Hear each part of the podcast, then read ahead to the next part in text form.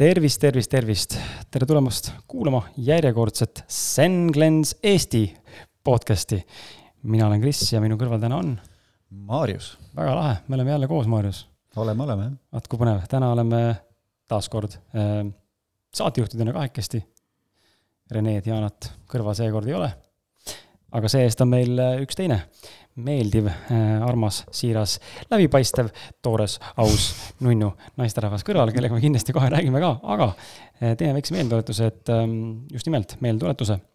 Senglens Eesti podcast'i on võimalik kuulata siis äh, kõikidest suurimatest Eesti podcast'i, vabandust, mitte Eesti podcast'i platvormidest, näiteks nagu Spotify, Apple podcast'id ja, ja tegelikult veel hunnik erinevaid pisemaid platvorme, kus saab seda kuulata, ühtlasi on sul võimalik minna ja vaadata ka meie Facebooki leheküljele, kus on siis ka teinekord üleval kogemuslood äh, Facebook laivide najal või Facebook laivide läbi ja, ja samuti veel lisaks äh, muid põnevaid videosid, mida Maarjus on teinud siin, mida Jana on teinud siin ja tegelikult ka mõned äh, intervjuud Rene Birklandiga. ma toon see siis saate algusesse ka selle, mille eest siis Senglens podcast, Senglens Eesti podcast seisab tegelikult me tegelikult oma saadetega siis keskendume rahulolevale, rõõmsale, tasakaalukale, õnnelikule, positiivsele, täisväärtuslikule ja erksameelsele eluviisile, tuues sinuni põnevat kuulamist läbi saatejuhtide ja külaliste kogemuste ning mõtete. Ja podcast'is siis või podcast'i episoodides Senglensi podcast'i episoodides räägitakse toitumise, organismi puhastuse, psühholoogia, füüsilise aktiivsuse, teaduspõhiste uuringute ja veel mitmete tervisega seotud teemadel otse ja keerutamata lihtsas ning arusaadavas eesti keeles. võib-olla teinekord ka inglise keeles, ma ei tea, kas sa, Marju, sa oled mõelnud, et me peaksime äkki tooma ingliskeelse rahvusvahelised äh, külalisi aeg-ajalt äkki? on meil inglise keel piisavalt palju suus või? ma ei ole mõelnud, aga sa oled ära ikka rääkinud. ma saaks hakkama küll, onju, ma arvan, kuidagi niimoodi, et uh, what if uh, What yes, is your name? What uh, yes uh, next question ja thank you no,. Goodbye, goodbye. palju meie ikka rääkima peame, selles mõttes saadame küsimused ette. tuleb ka alati üles ehitada. absoluutselt. väga vahva ehm,. aga lähme tänase saate juurde, tänane saade on meil teine saade. kui ma nüüd ei eksi, sa saad mind, Maarjus, parandada, aga teine saade külalisega. meil Senglensi podcast'i puhul siis no, eh, podcast'i külalisega, siis meil on eelnevalt ju olnud Jaana poolt mhm. tehtud Facebooki laivi, kus on ka nii-öelda olnud siis kogemusloo jagajad või nii-öelda külalised ja on ka konverentse toimunud, online konverentse. aga külaline kui podcast'i episood eraldi on täna teine, nii et. Äh, teine, teine jah. täitsa beebikingades oleme alles omadega, siin vaikselt kasvame. aga seda ägedam on. seda ägedam on. kõike õppida. just, nii et äh, väga vahva on näha, mis meist siin saama hakkab ja kes lõpuks üldse siin mikri taga alles on mitte ainult tänase vestluse puhul, vaid üleüldse aga, aga. keegi jääb üksi monoloogi rääkima, et siis teised on lahkunud. aga, aga ei, nii on, lähme, ma loen sissejuhatuse ette, kes meil täna külas on, et sinul, hea kuulaja, tekiks arusaamine natukenegi läbi sildistamiste või sildistamise, kellega on tegemist ja siis juba saab tütarlaps äh, sõna. Irene Kaljuste on rännaku meetodi teejuht, joogaõpetaja, toitumisnõustaja, ta on hingeparandaja ja inimeste hirmude taltsutaja ning tema elus on oluline koht ka tervislikul toitumisel ja tervise heaolul. Irene peab oluliseks asju teha südamest ja rõõmuga, lisaks tegeleb ta ürituste korraldamisega ja on eeterlike õlide entusiast. tänases saates räägimegi toitumisest, tervisest, emotsionaalsest söömisest, halbadest toitumisharjumustest, seentest, soolestikust ja puhastumisest tere tulemast podcast'i Senglens Eesti, Irene. tere, tere. sind on vahva näha üle pika aja. samad sõnad. me nägime sinuga viimati virtuaalselt podcast'i Ausad mehed mm -hmm. raames ja esimest korda puutusin sinuga kokku tegelikult ju Kesk-Eesti Tre raadios. sealt see jäi mulle meelde. jätsid väga sümpaatse mulje. ja tore, kui sa siin oled, siis ma jätsin sulle ka, nii et siis on ühe vastastikune ise küsid, ise vastad ehm, Lähme kohe selle saate juurde ja teeme tänase, ma kuidagi on tajunud sellist, äh, tahaks nagu väga hands-on äh, praktilist äh, nõu anda kuulajatele ja, ja üldse noh, loodetavasti mulle, Maarjusele ka, harige meid, jaga enda kogemust ja, ja räägime üldse nagu asjadest sellises võtmes, et inimene saaks nagu midagi päriselt nagu kaasa võtta ka niimoodi, et saaks kohe kas või enda elu rakendada või kuidagi enda elu paremuse poole liikuma panna. ja esimene küsimus, mille ma olen sulle kokku pannud siia ja neid, usu mind, neid spontaanseid küsimusi tuleb juurde küll ja küll, äh, on see, et sa oled endi sõnul ja ma rõhutan endi sõnul, sest et nii nagu me oleme Maarjusega eelnevalt rääkinud ka ja, ja ka tegelikult tänasel kohtumisel meil Marius kasutas seda sõna, et enda arvates oli ta tervislik. me kõik oleme endi arvates tervislikud, kuni siis mingi hetk me näeme ära, et meil on haigus, eks ole, kuskilt hüppab välja, mis ei ole kuskilt, vaid see on pikaajaliselt tekkinud nii-öelda peidetud kujul. või me tões, tõesõnu usume lihtsalt pimesi, et me oleme tervislikud ja tegelikult ei ole. või siis me päriselt olemegi tervislikud ja me tegelikult teadvustame, et me oleme ikka üle võlli tervislikud. Ehm, sina ütled ka, et sa oled endi sõnul tervist puudutavate teemadega madistanud lausa üheksateist eluaastat, noh, see on, see on, see on peaaegu, see on natuke rohkem kui pool minu elu. mis on päris palju, selles mõttes nagu päris palju oled tegelenud sellega, see on päris pagas, päris hea pagas. et mis on need põhjused Äh, mis on sind pannud liikuma tervislikumaks saamise suunas? jah, alustame sellest. Mhm. no enamasti inimestel ikka tekivad need põhjused sellepärast, et tervisega on midagi korrast ära, midagi oluliselt häirivat on korrast ära.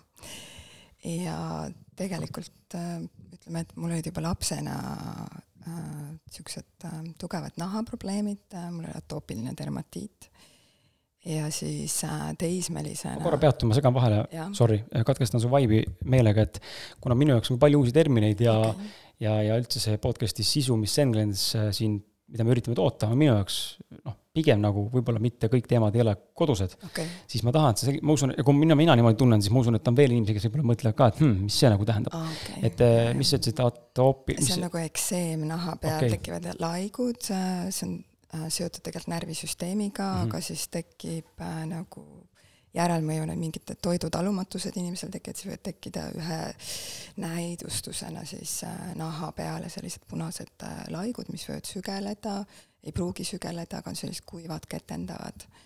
ja ähm, meditsiinis tegelikult öeldakse, et äh, see on ravimatu haigus. mis selle hullem vorm on, ma oleks nagu näinud pilte kuskilt või kuulnud nagu äkki tuttavatelt isegi lugusid, kes on veetavalt äh, selle käes vaevlevad, et see isegi nagu söö-, sööbib nahast, naha, naha sisse või kuidagi nagu sügavamale, et ei ole ainult pinnapealne, vaid ta läheb ka sügavamale, nii et no ta on äh, selline, nojah, võiks öelda, sest mul oli viis aastat järjest oli niimoodi, mingid laigud olid sees, mis ei läinudki ära vahepeal üldse, kui just ei, ei kasutanud mingeid hormoonsalve, mis siis mm -hmm. oli nagu põhimõtteliselt ainukene ravim, mida arstid oskasid pakkuda.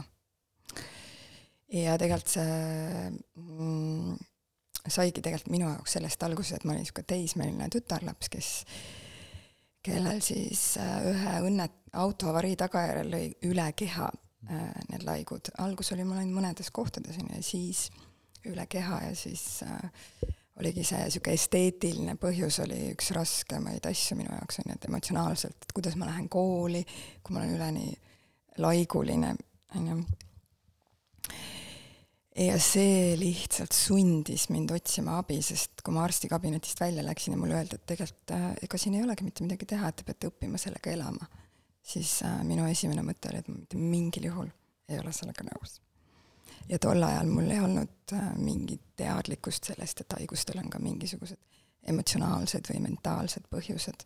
ma lihtsalt tundsin, et ma ei saa leppida sellega.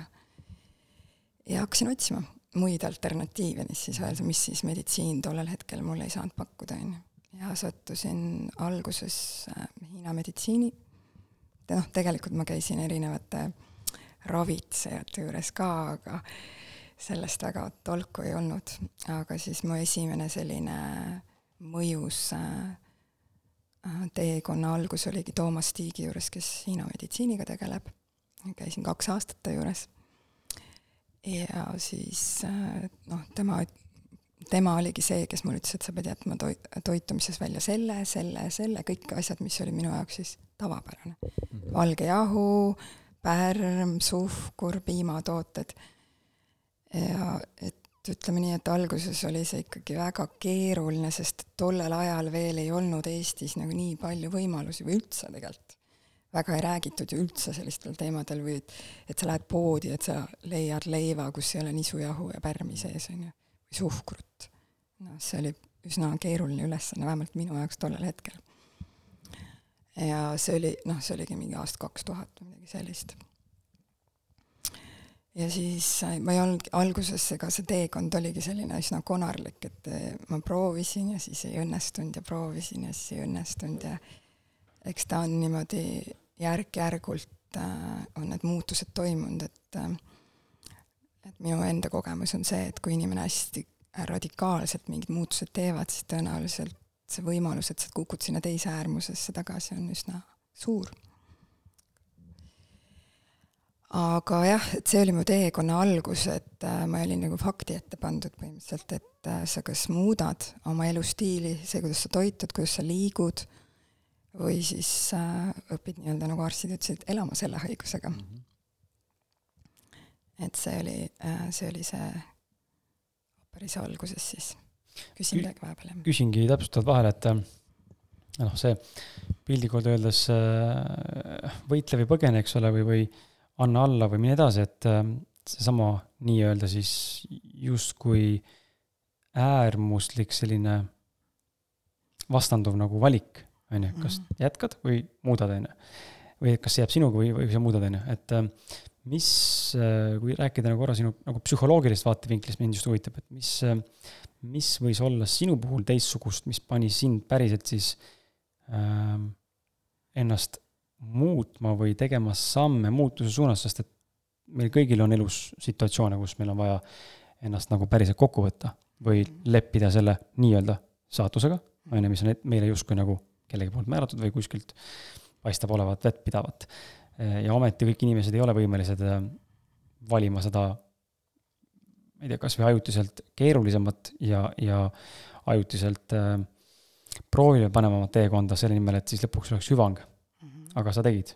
Äh, oskad sa natuke nagu niimoodi nagu tagasivaadata pilguga eneseanalüüsivalt öelda, mis võis olla see argument või see põhjus, mis pani sind sellised, selle valiku tegema?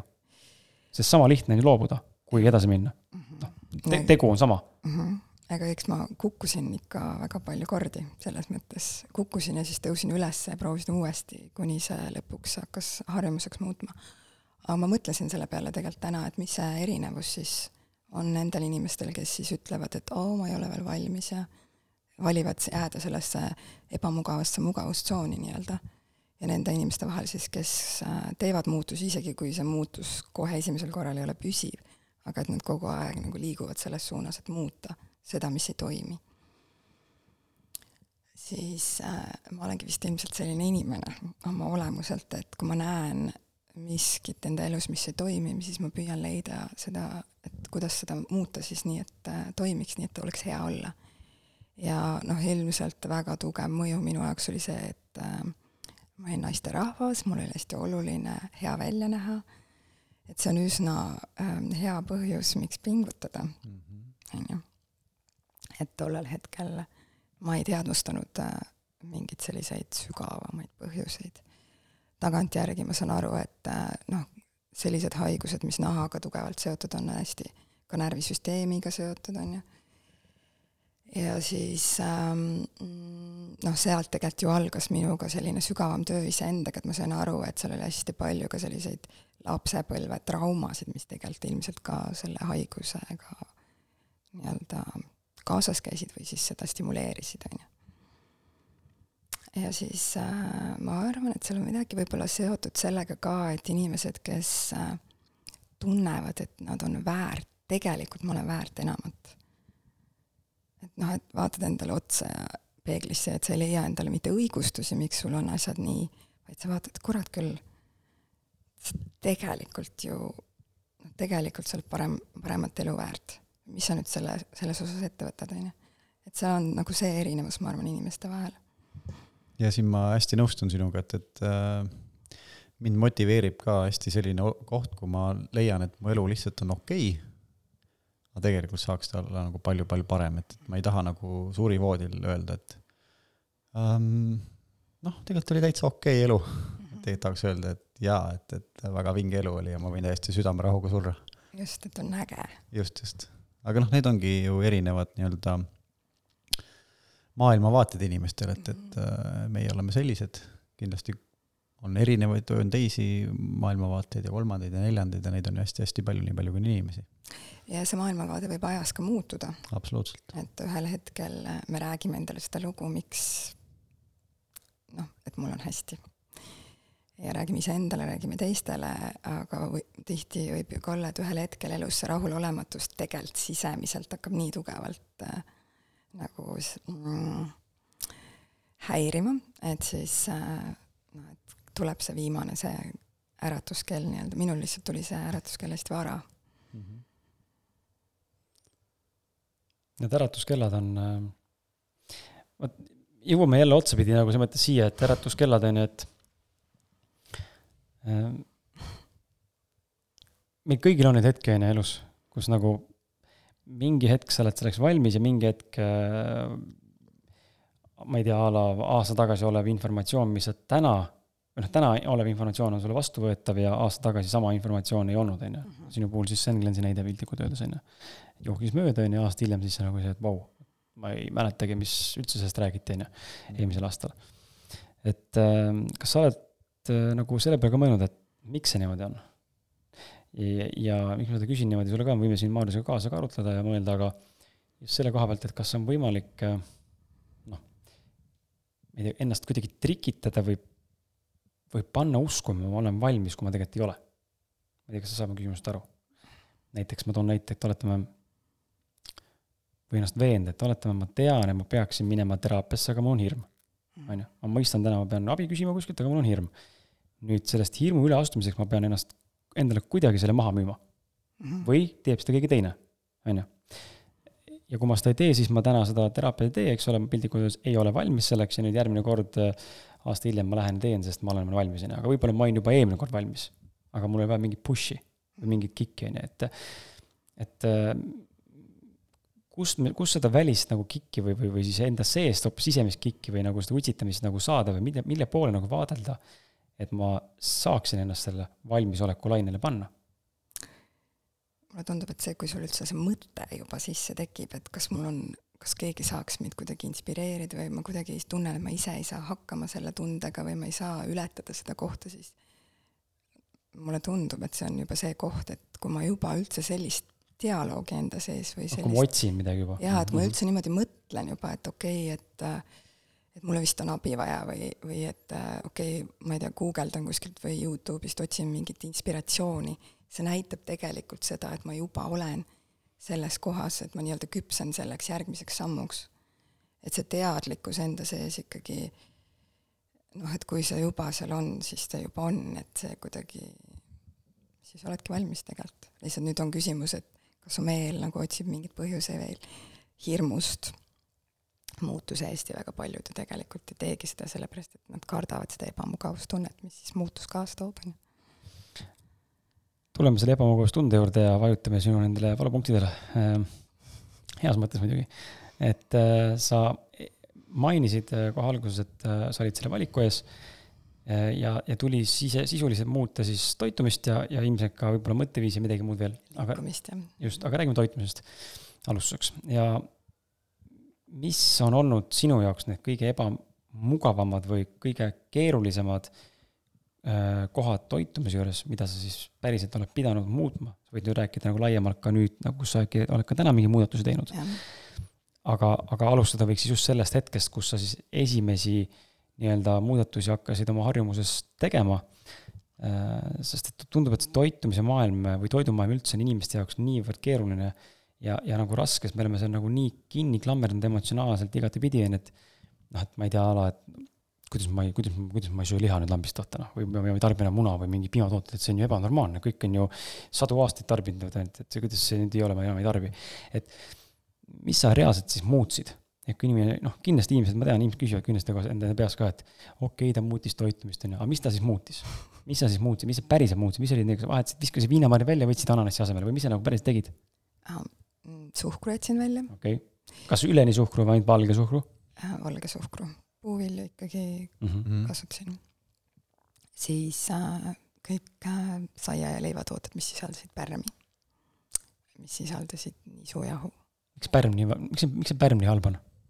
no lihtsalt äh, minu äh, seedeelundkond oli siis ilmselt sellises seisus sellel hetkel, et see pärm kuidagi kaasa ei aidanud. Mhm. sest paljud räägivad, paljud räägivad sellest. ja Ma- sest ta on tööstuslik äh, vorm on ju, et ta ei ole juuretis ja siis äh, ta ei ole tegelikult äh, väga tervislik kas see pärm on sama, mis on maitsepärm? või ei ole? pärm on ta kergitav on, vist ei ta on ole, mingi ta on ikka teine, ta ei ole aktiivne jah ja., see maitsepärm on lihtsalt oma maitsega, et küsimus on jah, sellest mm, Mhm. -hmm. selles aktiivses pärmis, mis siis soodustab äh, tead äh, organismide vohamist mm Mhm. -hmm. organismis mm. -hmm.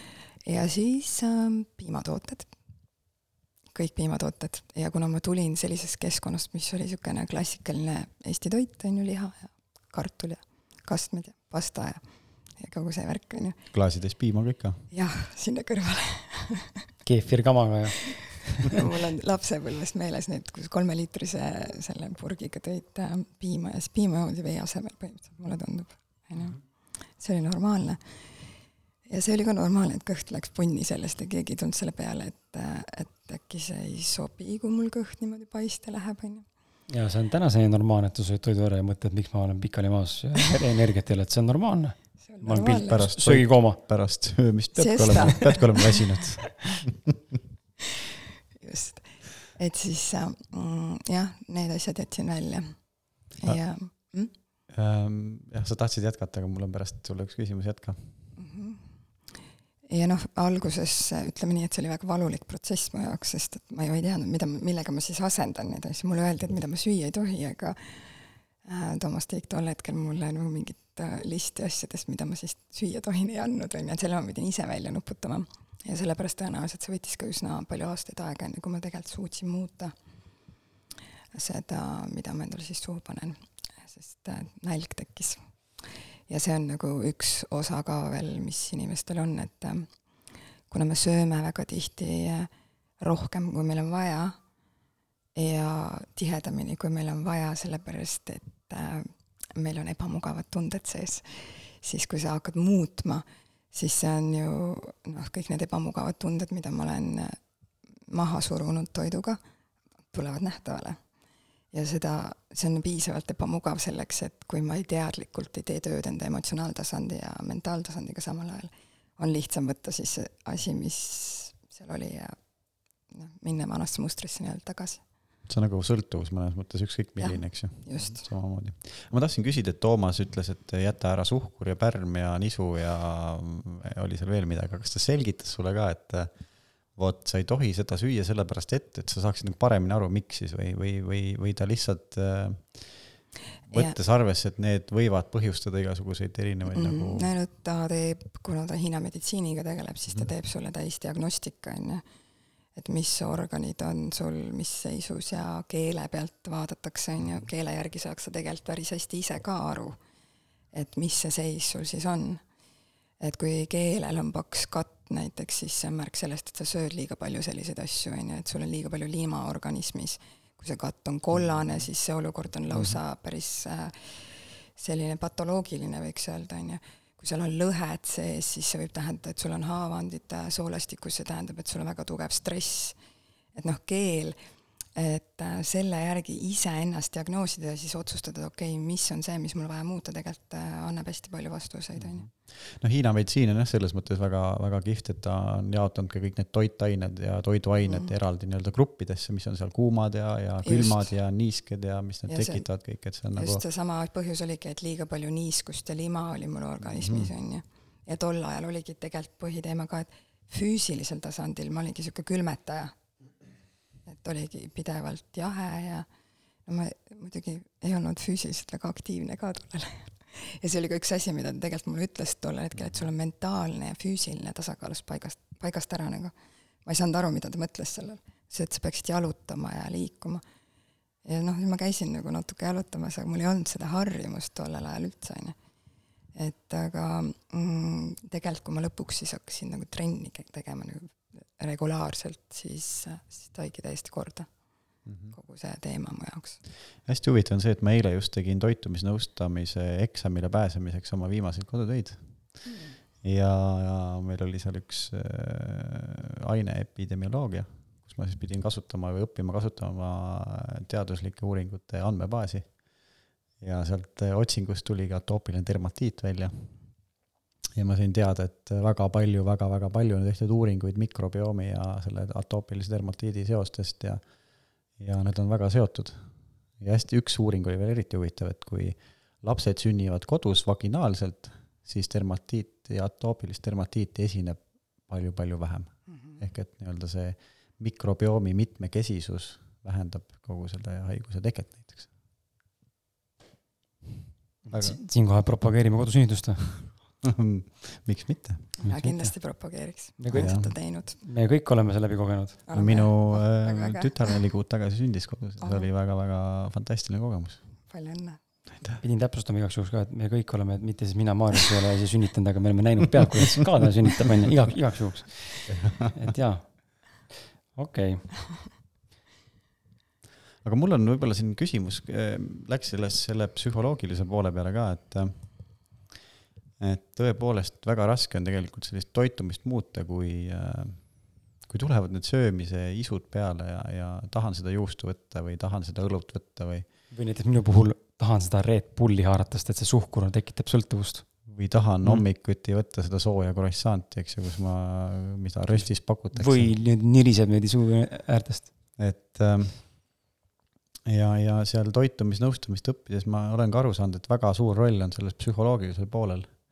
Et eh, noh, sa võid öelda inimesele, et ära söö seda, teist, kolmandat, et, et hakka tervislikult toituma, aga see tavaliselt ei lähe õnneks, et on sul mõni nipp inimestele, et, et kust nagu alustada seda nii-öelda teekonda, et, et äh, kui ta tunneb raskelt, et tal tõepoolest on raske muuta seda, et, et mis nagu psühholoogilises plaanis, kas on mingi nipp või- võib-olla see ei pea olema isegi psühholoogiline pool, aga aga võib-olla mingid tervislikud toidud, mis, mida on võib-olla kuidagi, mis mõjuvad niimoodi paremini, ma ei, ma ei, tead, sellega on selline lugu, et ähm, et kui see teekond mul edasi läks, siis ma läksin ühel hetkel täiesti tervislikule toitumisele äh,, sõin hästi palju rohelist, isegi olen toortoitumist praktiseerinud, aga mu külmkapp oli pungil asju täis ja ma pidevalt tahtsin süüa, ma olin kogu aeg näljane.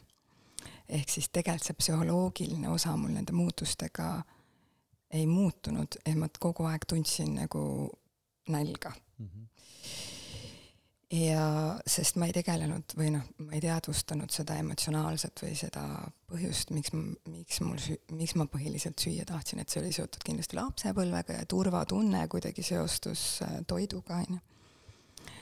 ja aga ühel hetkel, kui ma siis hakkasin päriselt tegelema nende emotsioonidega enda kehas, nende ebamugavate tunnetega, mis mu sees tekivad, siis ma ühel hetkel avastasin, et lihtsalt mingid toiduained kukkusid ära mul ei olnudki üldse vajadust nende järele. et see ei pea olema niisugune äh, tahtega sundida ennast, minu puhul vähemalt ei toimi. ma näen, et see, et see on niisugune pendeldamiseks läheb, et äh, siis sa sööd vahepeal hästi korralikult ja siis jälle ei suuda, on ju. et kui sa teadvustad ära selle ebamugavustunde, et kui sa lähed sinna külmkapi juurde, sa oled teinud mingi otsuse, nüüd ma tahan muuta oma toitumist, ma ei söö seda asja ja hea mõte on alustada tegelikult muutustega niimoodi ükshaaval, et ma ei, ma ei muuda kohe üleöö kõike, vaid et ma jätan välja mingi ühe toidu, noh, näiteks piimatooted jätan välja. ja siis äh, mõned nädalad harjun sellega näiteks ja siis vaatan, et mis mul veel vaja oleks välja jätta. paned tähele ka selle juures, et mis tunne on nüüd, kui ma ei ole mitu nädalat seda teinud. et sa saad nagu reaalse kogemuse, mis asjad, kuidas mõjuvad sulle.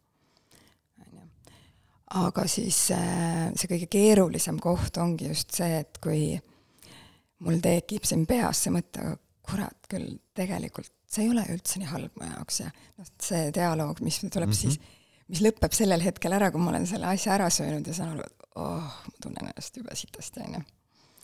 aga enne seda, kui ma selle ära ei ole söönud, et enne seda tuleb meil see hull positiivne kõne, miks see asi, mida ma tean, et mulle hea ei ole, on mulle hea, onju, või noh, miks mul on seda vaja või noh, täna ja võib-olla noh, homme lükkan selle siis selle otsuse nagu edasi ja niisuguseid asju teed. et pane tähele seda äh,, mis asi see ebamugavustunne on, mille eest sa praegu ära jooksed. mis, mis tunne see on, mille eest sa sinna külmkapi juurde lähed? et kui sa jääd seisma, jääd korraks paigale ja sul ei ole mitte mingit võimalust sinna külmkapi juurde minna, lihtsalt no mängid enda sees selle läbi. mida sa siis kogema peaksid? aga too mõned näited ka, mis need siuksed populaarsemad tunded siis on, sa oled ise ju rännakuterapeut ka, et, et Mhm. mida siis näiteks noh, inimesed lihtsalt tunnevad siis ära, võib-olla nad ei saagi aru, mis tunne ja mis asja, et, et aga too mingeid näiteid neile no näiteks. näiteks ärevus, see oli minu, minu põhiteema on ju, et ähm, ärevus siis mille ees või, või, või, või mis a la mm, sotsiaalne ärevus, näiteks ma äh, lähen kuhugile sündmusele, siis mu mure on tegelikult selles, et äh, noh, et kas seal esiteks piisavalt süüa on mm. -hmm. ja siis tegelikult on see lihtsalt see ebamugavustunne, et ma pean minema inimeste sekka, Mhm. on ju, näiteks. või siis õhtuti äh, inimestel, kellel on see öise söömise teema, Mhm. et seal võib olla see, et seal võib olla alla, alla surutud agressiivsus või iseenda suhtes või, või kelle iganes suhtes, on ju, viha näiteks, väärtusetuse tunne, on ju, et ma nii-öelda tuimestan siis seda emotsiooni seal äh, selle toiduga ja mul tekib see mõnutunne hetkeks sinna kehasse, on ju, ja siis ma ei tunne üldse mitte midagi, on ju, ja ma vajun magama, on ju.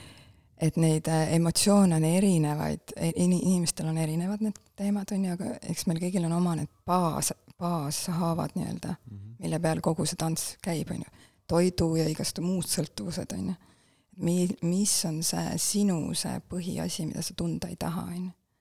noh, minu puhul oligi hirm ehm, ma ei tea, hirm tuleviku ees, kuigi võib-olla seal tulevikus otseselt midagi ohtlikku ei ole, aga lihtsalt äh, teadmatus siis nagu mõnes mõttes. mingi selle, selline koht, on ju. et see oli nagu nii sügavalt mu sees, et äh, aga see nii-öelda see toimetulekumehhanism oli siis äh, selline käitumine, kus ma isegi ei teadvustanud, et mul see hirm on, mul oli lihtsalt nälg, on ju. Mhm. kuigi ma võib-olla olin juba söönud ühe kausitäie toitu ära ja siis mulle Mhm. tundus, et võiks teise veel süüa.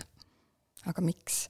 selleks, et äh, olla sellises tuimas fluidiumis, on ju, et olla nagu üle söönud, on ju. aga mis seda tuima fluidumit või, või seda nii-öelda mõnutunnet siis tekitab, et see juust ju otseselt ei tekita, et, et kusjuures tekitab- kusjuures tekitab jah, juust on sõltuvust tekitav sama tugev okei. kui vist isegi kokaiin või see oli mingi, ta no ütleme trigerdab ajus väga konkreetselt. hakkliakaste kartuliga, noh, kui sa ütled, et söön teise kausitee veel, kuigi mul tegelikult vaja ei ole, kas see on nagu mingi hormoon või mis seal nii-öelda siis no tegelikult ongi, et piimatooted on esiteks on, tekitavad meis mõnutunnet sisse, et sellepärast on meil, need on ühed raskemad asjad, Mm. millest loobuda, on ju. okei äh, suhkur on lihtsalt äh, keha, kui ta on harjunud seda tarbima, on ju, siis meil, kui me ei saa, siis meil tekivad ärrituse äma- ärajääma äh, nähud, on ju äh,.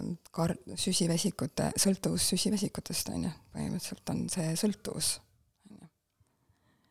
et äh, ja kuidagi see siis, kui me täidame oma selle isu sellega, mis meile sõltuvust tekitab, siis ta tekitab meile hetkelist naudingutunnet ja tihti on ka vaata see, et kui meil elus ei ole nagu neid teisi ehedaid naudinguid, siis see toit on nagu kindla peale minek, on ju, või see klaas veini või noh, klaas veini iseenesest minu arust on täiesti okei okay., head veini. head veini just, isegi punane vein võiks öelda, et ta on mikrobiomile väga kasulik.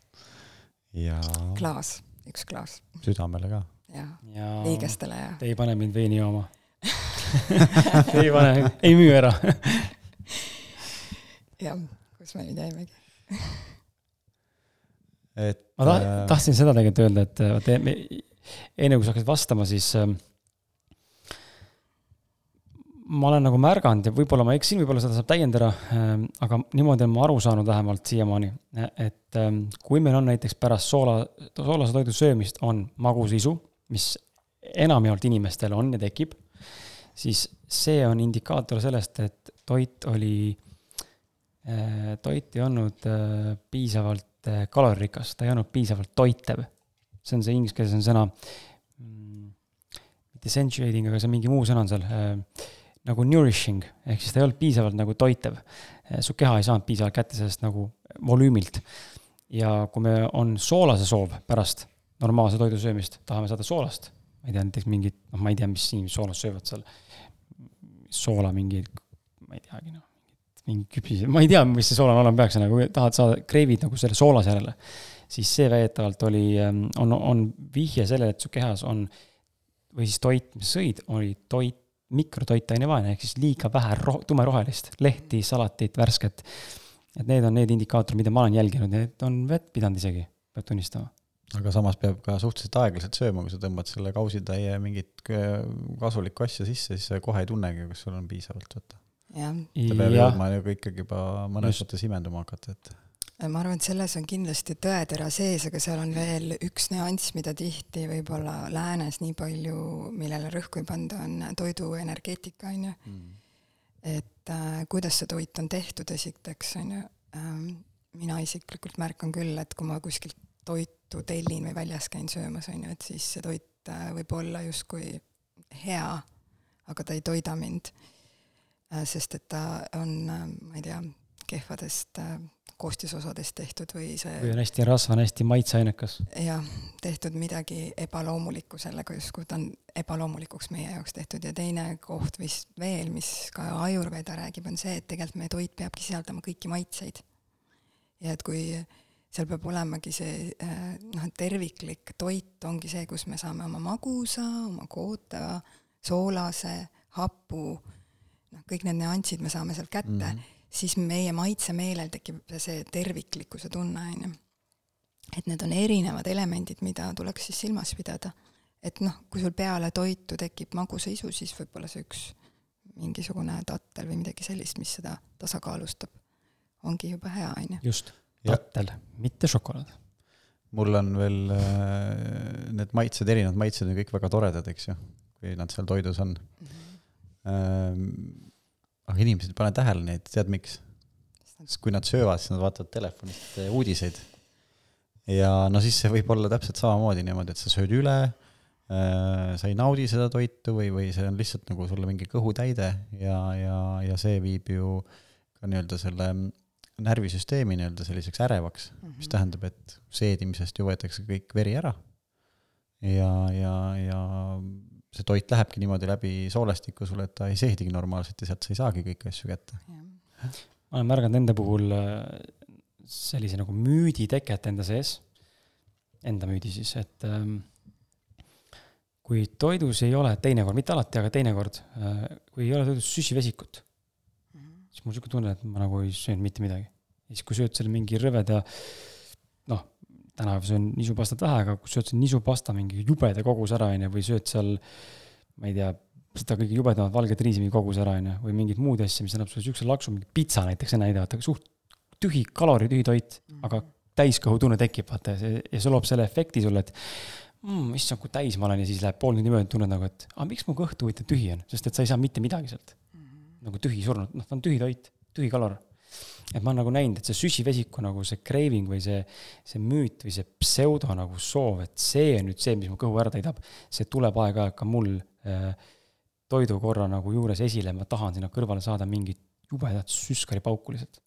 nojah, see on sellest, et sul on süsteemis on see mälestus, et see annab sulle energiat. see, see, see täidab. see on kõige kiirem energia saamise allikas, on ju, ta ei ole küll jätkusuutlik, on ju, aga su äh, organism annab sulle selle info, et kui sa nüüd selle võtad, et siis sa saad seda mm, -hmm. mida sul vaja pärast on, et ehk siis kui energia on madal, on ju, et siis me tahame saada seda saiakest millegipärast esimesena, me ei mõtle salati peale selle kohe, on ju.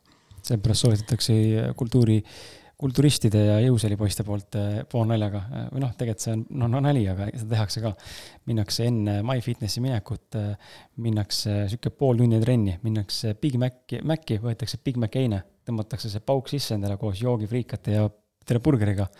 ja siis saad siukse energialaksu vaata, kuna ta on instant, kohe vaata süsteemi ja nüüd läheb pumpad jõusaalis täiega, sest sul on nii palju seda energiat, mis sealt lihtsalt plahvatab kohe välja sellepärast mu poeg teeb ka midagi taolist. nojah, aga tegelikult noh, süsivesikud ei ole jumala eest kahjulik, neid ei, peabki sööma palju, et neid peabki sööma kõige rohkem. Äh, üle viiekümne protsendi nii-öelda toidukorras peaks olema süsivesikud, aga, aga on kiired süsivesikud ja on aeglased süsivesikud, mis ei tekita sul nii-öelda seda veresuhkru kõikumist üles-alla. et, et äh, nii-öelda see imendumine toimub nii-öelda järk-järgult, mitte siis kohe nii-öelda pauh, nagu selle valge jahu või, või valge riisiga on, eks ju, et, et meelest tatar või mis sa veel, Irene, soovitaksid?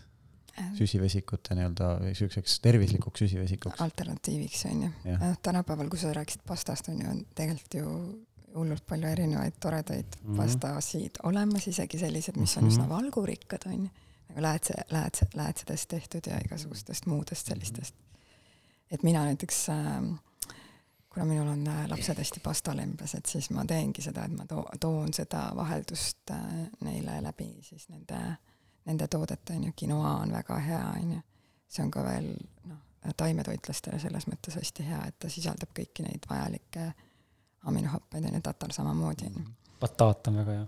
jaa, bataat on ju ülimaitsev et, ähm, et neid alternatiive siis äh, on tegelikult ju hästi palju.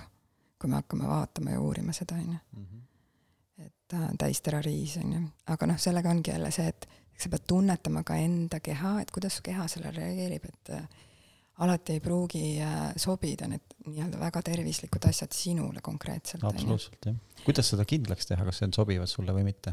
Ikkagi äh, selle järgi, et kui sa pärast söömist tunned ikkagi väsimust, siis midagi selles toidus oli sellist, mis ei sobinud sulle, kas seal oli liiga palju erinevaid toidukomponente, sellepärast et sinu seedesüsteem hetkel ei kannata võib-olla liiga, liiga suurt äh, ampluaad, või siis oli seal tõesti mingi toiduaine, mis ei, ei sobinudki lihtsalt äh, sellesse kombosse või portsjon on lihtsalt liiga suur? ja portsjon võib olla liiga suur ka jah, et sa sõid liiga kiiresti ja liiga palju. küsimus nüüd siis kõigile siia meile ja kodudesse ka, kuidas teada, kui suur portsjon mulle sobib? no öeldakse nii, et äh, selline portsjon, et kui sa paned oma peo niimoodi kokku ja see toit, mis mahub sulle peopesasse, on äh, täiesti piisav sinu mao jaoks. kaks peopesa siis, ma saan aru? no niimoodi räägin käed, kok, käed kokku käed siis jah? kokku, jah, niimoodi. moodust nagu kausi. aa ah, jaa, õigus, me kõik ei vaata no aga okei okay,, siinkohal tuleb mul kohe see devil's advocate onju, ma nüüd kohe surun vastu onju. spordiinimesed ütlevad sulle, et sellega sa sured ära trenni tehes, piltlikult öeldes onju, et see ei ole Mhm. piisav kalori saamine. jah, aga see sõltub ilmselt ka sinu ähm, elustiilist ja, äh, ja jah, et kui noh, et inimesed, kes teevad äh, tihedalt trenni, nad ilmselt vajavadki rohkem sööki, sest nad Mhm. kulutavad rohkem mm. -hmm. Aga selline normaalne keskmine inimene, kes võib-olla no ma ei tea, mitu korda äh, nädalas ta siis trenni teeb, kolm korda näiteks. et talle, ma arvan, piisab sellest või teeb hommikul joogat või võimleb lihtsalt, onju. käib jalutamas, tema jaoks on see piisav tegelikult. huvitaval kombel, et sa mainisid joogat, et kui mina joogat teen, siis mul läheb söögiisu jube väikseks ja mul on sama probleem. ma ei tea, kas see on probleem, aga, noh, aga kuidagi niimoodi ta mõjub jah, et, et ta nagu annab kuskilt mujalt siis seda energiat. no ma teadvustan ka Mm. mm., et ma vist äh, olen, söön liiga vähe sest kõht ei ole lihtsalt tühi. ma olen ka täheldanud seda ja ma olen mõelnud selle peale, kas see on probleem. et oletame, kui no ma pakun praegu, panen puusalt, et ma viimased neli päeva, see nädal, ta on neljapäev, see nädal olen söönud ikka väga kergelt. loomulikult ma, nüüd ma olen ka hakanud tegema intermittent fasting ut ehk siis äh, intervalli paastumist, kus siis kuusteist tundi on mittesöögiaken ja kaheksa tundi söögiaken. Ma olen seda varem ka teinud, aga ma näen praegu, ma ei ole suutnud enda jaoks nagu lahti mõtestada seda, kuidas ma Tallinnas käies ja Kesk-Eestis elades selle söögi nagu akna endale ära ajastan niimoodi, et ma päriselt kas söönud, söönuks saan oma kalorid. ma näen, ma söön tegelikult alla oma nagu selle maintenance, selle vajaliku päeva nii-öelda elus püsimise kaloraaži äh, nagu arvu, on ju, et siis tekib küsimus nagu, et elan, tunne on nagu hea, on ju, et aga, aga samas ma tean tegelikult faktiliselt äh, tabelit vaadates, ma näen, et ma numbriliselt ei saa mitte midagi mõni päev kätte. mees, sa oled valgustoitlane Mm -hmm. vot siis Väikesest. äh, väga tore siis. ja armastusest. aa, seda ma ei usu äh,. valgust hoidma. okei, okei. aga mis sa arvad paastumisest? kui me räägime siin, äh, noh, ma ei tea, kas sa oled, paastuliike on erinevaid, eks ole. kuivpaast ja veepaastud ja mahlapaastud ja siis on see intervall ehk intermittent fasting paastud ja, või siis lühiajalised paastumised, nagu vist eesti keeles öeldakse teistpidi veel.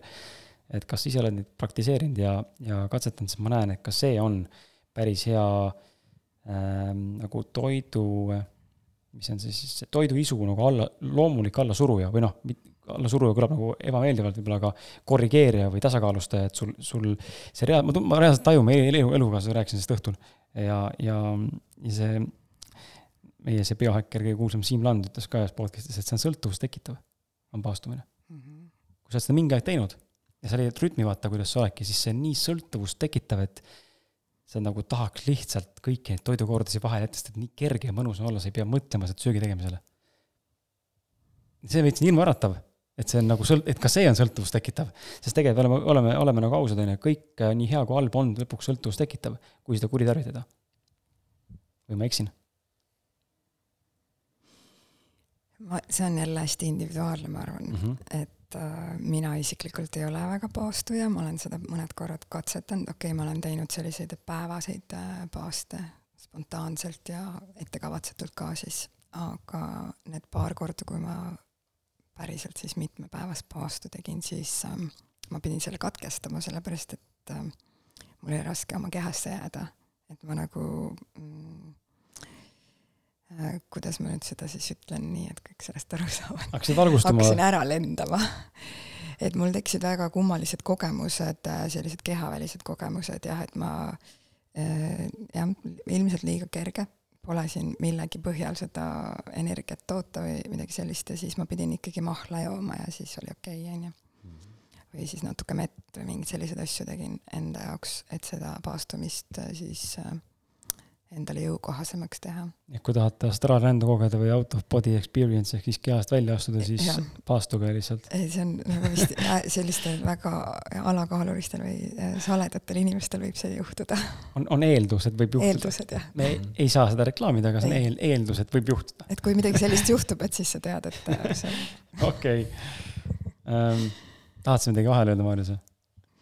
Ja mul ei ole praegu midagi vahele öelda. meie selle, siin siukse lollitamise peale ehm, okei okay,, sa oled, ehm, sa oled ehm, sissejuhatuses või noh, tähendab, sa mulle mainisid tegelikult, et sa oled kogenud oma elus ekstreem, toit, ekstreemse toitumise mõlemat nagu äärmust. või toitumise, või toitumise ekstreemsuseid ja selle toitumise mõlemat äärmust, ehk siis sa oled justkui kogenud siis ekstreemset tervislikkust ja samas ka totaalselt kahjulike asjade söömist.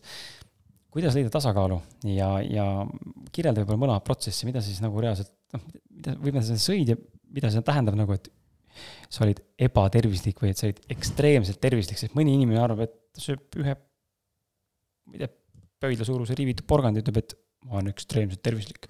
et nagu see on ka vaata hästi erinev inimese, individuaalne, on ju. Et mina täna olen, ma arvan, ma olen ekstreemselt tervislik oma perekonnaga, aga ma tunnen, et mul saab veel arenguruumi, sest ma tegelikult tahaks minna veel paremaks. ja ma tean, et saab minna paremaks. ja ma ei tunne, et ma oleks ekstreemne. Mhm. aga mõne jaoks ma olen juba täitsa sihuke vend, et kuule, puhku jalga vaata, et noh, see on ebareaalne, kuidas toitud, teed mingit hapukoort, teed India pähklist, et nagu kuule, unusta ära, kuule, et ma ostan selle kuradi hapukoore poest ja on rahu majas, on ju. Mhm. et mis sa nüüd tõmbled, milleks? noh, ma tunnen, et saab veel minna. -hmm. sest ma tahan, on ju, et räägi sina enda kogemust. No see ekstreemne mittetervislik toitumine võib-olla ongi see jahu ja koste ja burgerid, Hesburgereid ja noh, alkoholi päris korralikus koguses ja vee asemel piim kogu aeg? täiesti mittel öösiti söömised ja mm -hmm. peale pidu näiteks ja ebaregulaarne siis? jah, selline ebaregulaarne ja kõik selline, ma ei tea, pelmeenid ja hapkoor ja. see on ju mõnus. oli ju mõnus. jaa, väga ja siis äh, hamburgerid, tegelikult mul see McDonaldsis ma pole kunagi armastanud käia, aga mulle meeldis Hesburger. kuni ma hakkasin tegelema joogaga ja siis äh, juhtus selline asi, et äh, ma sain sealt Hesburgerist peavalu. ja siis ma sain aru, et ma ei saa seda enam süüa. sest see toidu, äh, kui me räägime toidu sagedusest või sellest kvaliteedist, siis mu keha lihtsalt ütles mulle, et no way enam, onju. kas see oli kurb ka? ei okay., ei olnud siis ma olin juba, otsisin nagu seda okay,, otsisin, et kuidas siis, kuidas siis äh, toita teistmoodi, onju, et kui sa mitte midagi enam ei taha, mida sa vanasti tahtsid, onju. ja siis äh, võib-olla niisugused ekstreemsemad variandid on niisugused mingi kilodegi äh, kaupa banaanide söömine näiteks ja sa ostsidki nädalaks mingi suure kastitäie banaane ja siis sõidki ainult peaaegu seda, onju. Olid toortoitumist mm. Äh, ja see lõppes jälle nagu sellega, et ühel hetkel äh, mu keha ei kannatanud enam üldse puuvilju. et ma ei saanud aastaid näiteks hommikuti üldse puuvilja süüa, sest mul tekkisid kõhukrambid mm ja arbuusi näiteks ei saa ma tänasenigi tühja kõhu peale süüa, sellepärast et ma mingit ek-, ekstreemsust praktiseerisin. Aga kas see võib olla ka sellest, et arbuus on vaata vedeliku sisaldus on nii suur, et see panebki kõhu valutama, kui kiiresti süüa palju? ma olen, ma olen märganud ka. E, jah. viinamarjad, arbuus, melon samamoodi, kohe paneb kõhu valutama. mul ei pane. sul ei pane või? ta on mul nagu tühja. mul paneb elukaaslane mõlema paneb kohe valutama, lapsel ka mm, -hmm. kohe. niimoodi ahmid vaata järjest, et see nagu ei kontrolli ta on nagu okei okay mulle päeval süüa, aga hommikuti mm. ei saa näiteks süüa ja tegelikult see oligi hästi kummaline, et äh, ma ei saanud alguses aru, mis mul viga on ja et kui sul on maokramp põhimõtteliselt, siis sa oled viisteist minutit siruli maas Mm. näost hall ja sihuke tunne, et sa sured ära kohe, onju. ja siis see läheb viieteist minuti pärast üle, nagu polekski midagi olnud, onju. et äh, ja siis ma sain aru, et ma ei saa puuvilju süüa, alguses ma murdsin pead, et mis värk on. aga ma tarbisin üle neid ja siis kuidagi keha re- reageeris siis suhkrutele niimoodi. aga äh, nojah, mulle meeldis äh, eksperimenteerida nende jääärmustega siis sinna tervislikku kanti just sellepärast ka, et äh, noh, millised äh, teadvuse muutunud seisundid äh, tekivad, kui sa sööd teatud viisidel, on ju.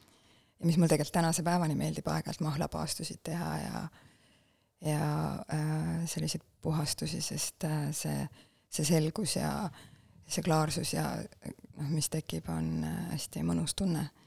et tihti muidu on see ka, et inimesed, kes kritiseerivad seda tervislikku toitumist, ütlevad, mul oli kõik jumala hästi tunnen ennast väga hästi, siis nad tegelikult ei tea, kui hästi nad võiksid ennast veel tunda.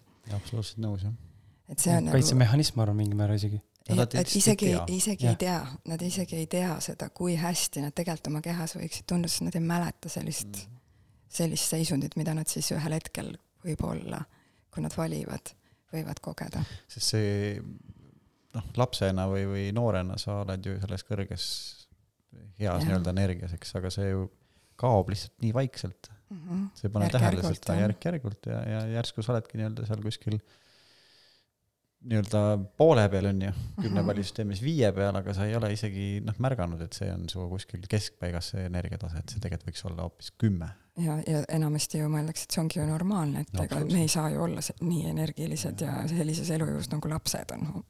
et, et see on nagu paratamatu protsess, et me, me energiatase langeb, on ju, et siis kõik need muud haigused ka, mis tulevad, on ju, et mul on juba nii palju numbrit ees, et siis aga tegelikult saab. tegelikult saab, igal ajal tegelikult saab. ma usun. mm. -hmm. ma endiselt äh, torgiks viimase küsimusega toitumist veel äh,. ma tahaks, et sa räägiks natukene sellest äh,, kuhu sa tänaseks väidetavalt siis oled jõudnud, mis on tunnetuslik toitumine ehk intu- intuitiivne toitumine. vastab see tõele? jah, jah, jah. jess, lõpuks ometi sa küsid õige küsimuse. et äh, miks äh,, mida tähendab intuitiivne toitumine? et inimene saaks nagu aru, sest mm, ma olen ka täna natuke nagu segaduses, ma ei saa nagu aru, mis see tähendab. Ja miks selline valik või kuidas sa sellise valikuni või sellise tunnetuseni jõudsid? ja millised on olnud sinu suurimad taipamised seoses intuitiivse toitumisega? Mhm. miks, mis ja mis on olnud? no see tegelikult ähm, sai alguse siis mu mu noorem poeg on kaheksa-aastane. ja kui ma jäin rasedaks, siis äh, ma olin ju taimetoitlane olnud, ma arvan, mingi seitse aastat äkki või niimoodi. et ma üldse liha ei tarbinud, mul oli väga noh, kogu see taust ka väga selgelt teada, kuskohast, missugune see tööstus on ja, ja noh, ühesõnaga need pildid ja kõik see oli hästi seinad olid posterid täis. ei noh, seda mitte, aga, aga need sööbivad mällu, kui sa Just. mingeid dokumentaale vaatad, on ju, et siis sa nagu ei taha eh, sellesse panustada. Aga siis oli niisugune huvitav koht, et äh, ma olin teist kuud rase ja mul tekkis hästi spetsiifiline isu. mul tuli kanaliha isu. ja noh, siis mul oli nagu, et okei okay,, et nagu mis mõttes nagu, et kanaliha isu on ju no ja siis ma otsisin välja kuskilt selle mm, talu äh, mingi toiduring Tallinnas tollel ajal käis, et siis, et kus ma saaksin kuskilt vähemalt mahekana siis onju. leidsin mahekuke, toodigi mulle sihuke surnud sinine ära kitkutud kukk, see oli päris šokeeriv. mõtlesin, mida ma nüüd sellega teen. pistsin selle siis potti lihtsalt tervenisti ja keetsin ära. ja, ja noh, mul oli plaan sellest kanasuppi teha ja mis juhtus, oli see, et ma lihtsalt sõin seda ilma maitsestamata, ilma soola, ilma ühegi vürtsita. lihtsalt sõin seda keedetud kanaliha niimoodi. Ja noh, järgmiseks päevaks ma tegin selle kanasupi, mida ma süüa ei suutnud. sellepärast, et ma olin selle, mis mul, mis mul sealt oli vaja saada, olin sealt kätte saanud ja siis sellega nagu piirdus. aga siis äh, peale seda, kui Tormi sündis, mul tegelikult tekkis neid kordasid, kus mul oli hästi tugev lihaisu, aga ma ei suutnud seda, noh, ma käisin poes, ma saan aru, et mu keha reageerib niimoodi, et mul on vaja sealt seda liha süüa. aga minu psühholoogia ütles mulle, et mitte mingil juhul ma ei suuda sellist asja süüa. ehk siis ma olin natuke nagu peas taimetoitlane.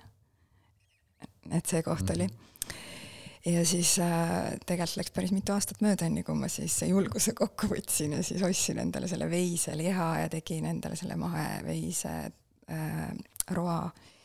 ja siis enda üllatuseks avastasin, et äh, ma ei tundnudki ennast halvasti, ma tundsin ennast vastupidi väga hästi. Ja siis äh, pärast seda, noh, aeg-ajalt on see koht, et mul tuleb hästi spetsiifiline mingi lihaisu. ja siis ma söön selle ära südamerahus, ma tean, et seal pikaks ajaks on rahu majas jälle. ehk see intuitiivne toitumine on tulnud mul läbi ilmselt sellise paljude puhastumiste, ehk siis äh, kus ma olen äh, piiranud enda toitumist äh,, puhastanud välja need ebatervislikud asjad. ma ei saaks öelda, et ma mitte kunagi piimatooteid ei tarbi või ei söö midagi, kus on suhkrut sees või mitte seda, on ju.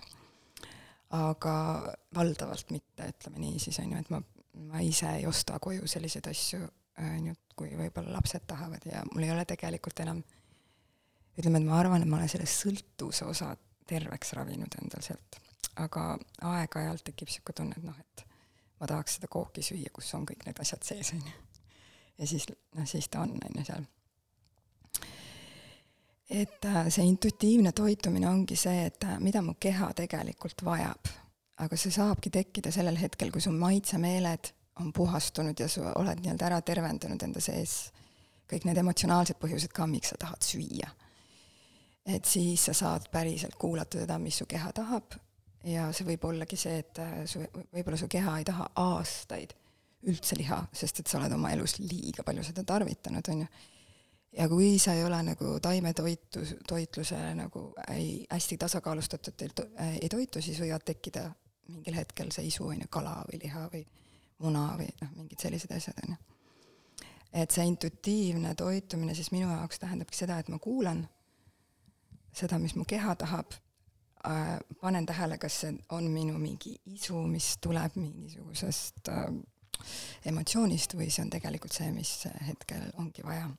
Ja siis äh, selle tulemusel tunnen ennast tegelikult kogu aeg hästi Äh, see on väga kihvt. Äh, mina olen ka seda intuitiivset toitumist jälginud, eriti pärast, kui ma olen teinud seda soolepuhastust mm. -hmm. ja, ja mina ei teadnud üldse sellest midagi ja kui ma tegin selle Englandsi soolepuhastuse läbi, siis ma järsku märkasin, et vot ma nagu tean, mida ma tahan. see muutis ka mind, noh, sa ütledki, et, et kui oled puhastuse läbi teinud, sa muutudki nii-öelda tundlikuks ja mina olen ka seda tundnud ja, ja tükk aega ei tahtnud ka liha, ei tahtnud, tahtsin järsku üks päev tunnen, mul on nagu ribiisu täiega, ma mõtlen, ma lähen mingit, siis ma läksingi mingisse Ameerika restorani, tellisin mulle ribi, tervet ma ära ei jõudnud süüa, aga pool panin pintslisse, jube hea tunne oli. ja, ja kui ma mäletasin seda, et, et pärast liha söömist ma olin nagu väga väsinud tavaliselt, siis ei olnud. -hmm. oligi see isu ja siis ma jälle tükk aega ei tahtnud liha mm. -hmm et, et äh, jah, et see nii-öelda see puhas olemine ilmselt on ka selline nii-öelda see, kui seedeelundkond on puhas, siis see aitab väga palju ilmselt kaasa valikule, kui sina ka sedasama juttu räägid. ja, ja inimesed on tegelikult meile ka tagasisidet andnud, et nad nagu nüüd teavad mingil põhjusel, et ma tahan seda või teist süüa. et, et äh, jah, see on hästi hea point, et sa tõid välja selle puhastuse poole ka jah, see on hästi oluline selle juures, sest et muidu inimesed ütlevad, aa, mu keha ju tahab seda mm -hmm. friikartuleid või seda hamburgerit, aga see just, ei ole ju tegelikult äh, et mulle hästi meeldib see lause, et kas see on sinu keha, kes tahab seda või on see, äh, see mm, kaasreisijad, kes soolestikus tahavad seda, seda toitu seal süüa mm. -hmm see on see, kuhu ma tahtsin tegelikult äh, provotseeriva küsimusega jõuda ka, et äh, aga minu keha tahab ju saada seda šokolaadi mm,. sügavalt kahtlen, et nagu sügavalt kahtleme seda. samal ajal just äh, mingi päev tuli jutuks kellegiga, kas sinuga, Maarjus, või kellegagi äkki veel. ja seda, seda, seda nagu palju öelnud, on ju, et laps teab, mida laps tahab saada, on ju, toidu mõttes. Mhm. no ma ei ole kindel, et noh, et äh, laps nõuab mul nüüd äh, noh, ma ei tea, ma toon lihtsalt näite, ma nägin oma lapse pealt seda kunagi. ta polnud mitte kunagi jäätist saanud. isegi mitte vegan jäätist. Polnud saanud, on ju. ja siis ühel hetkel lihtsalt ühel õhtusöögil sõpradega sõime toidu ära siis.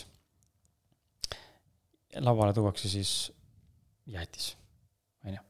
laps ei tea, mis see on. aga küsib närviliselt, tahan seda.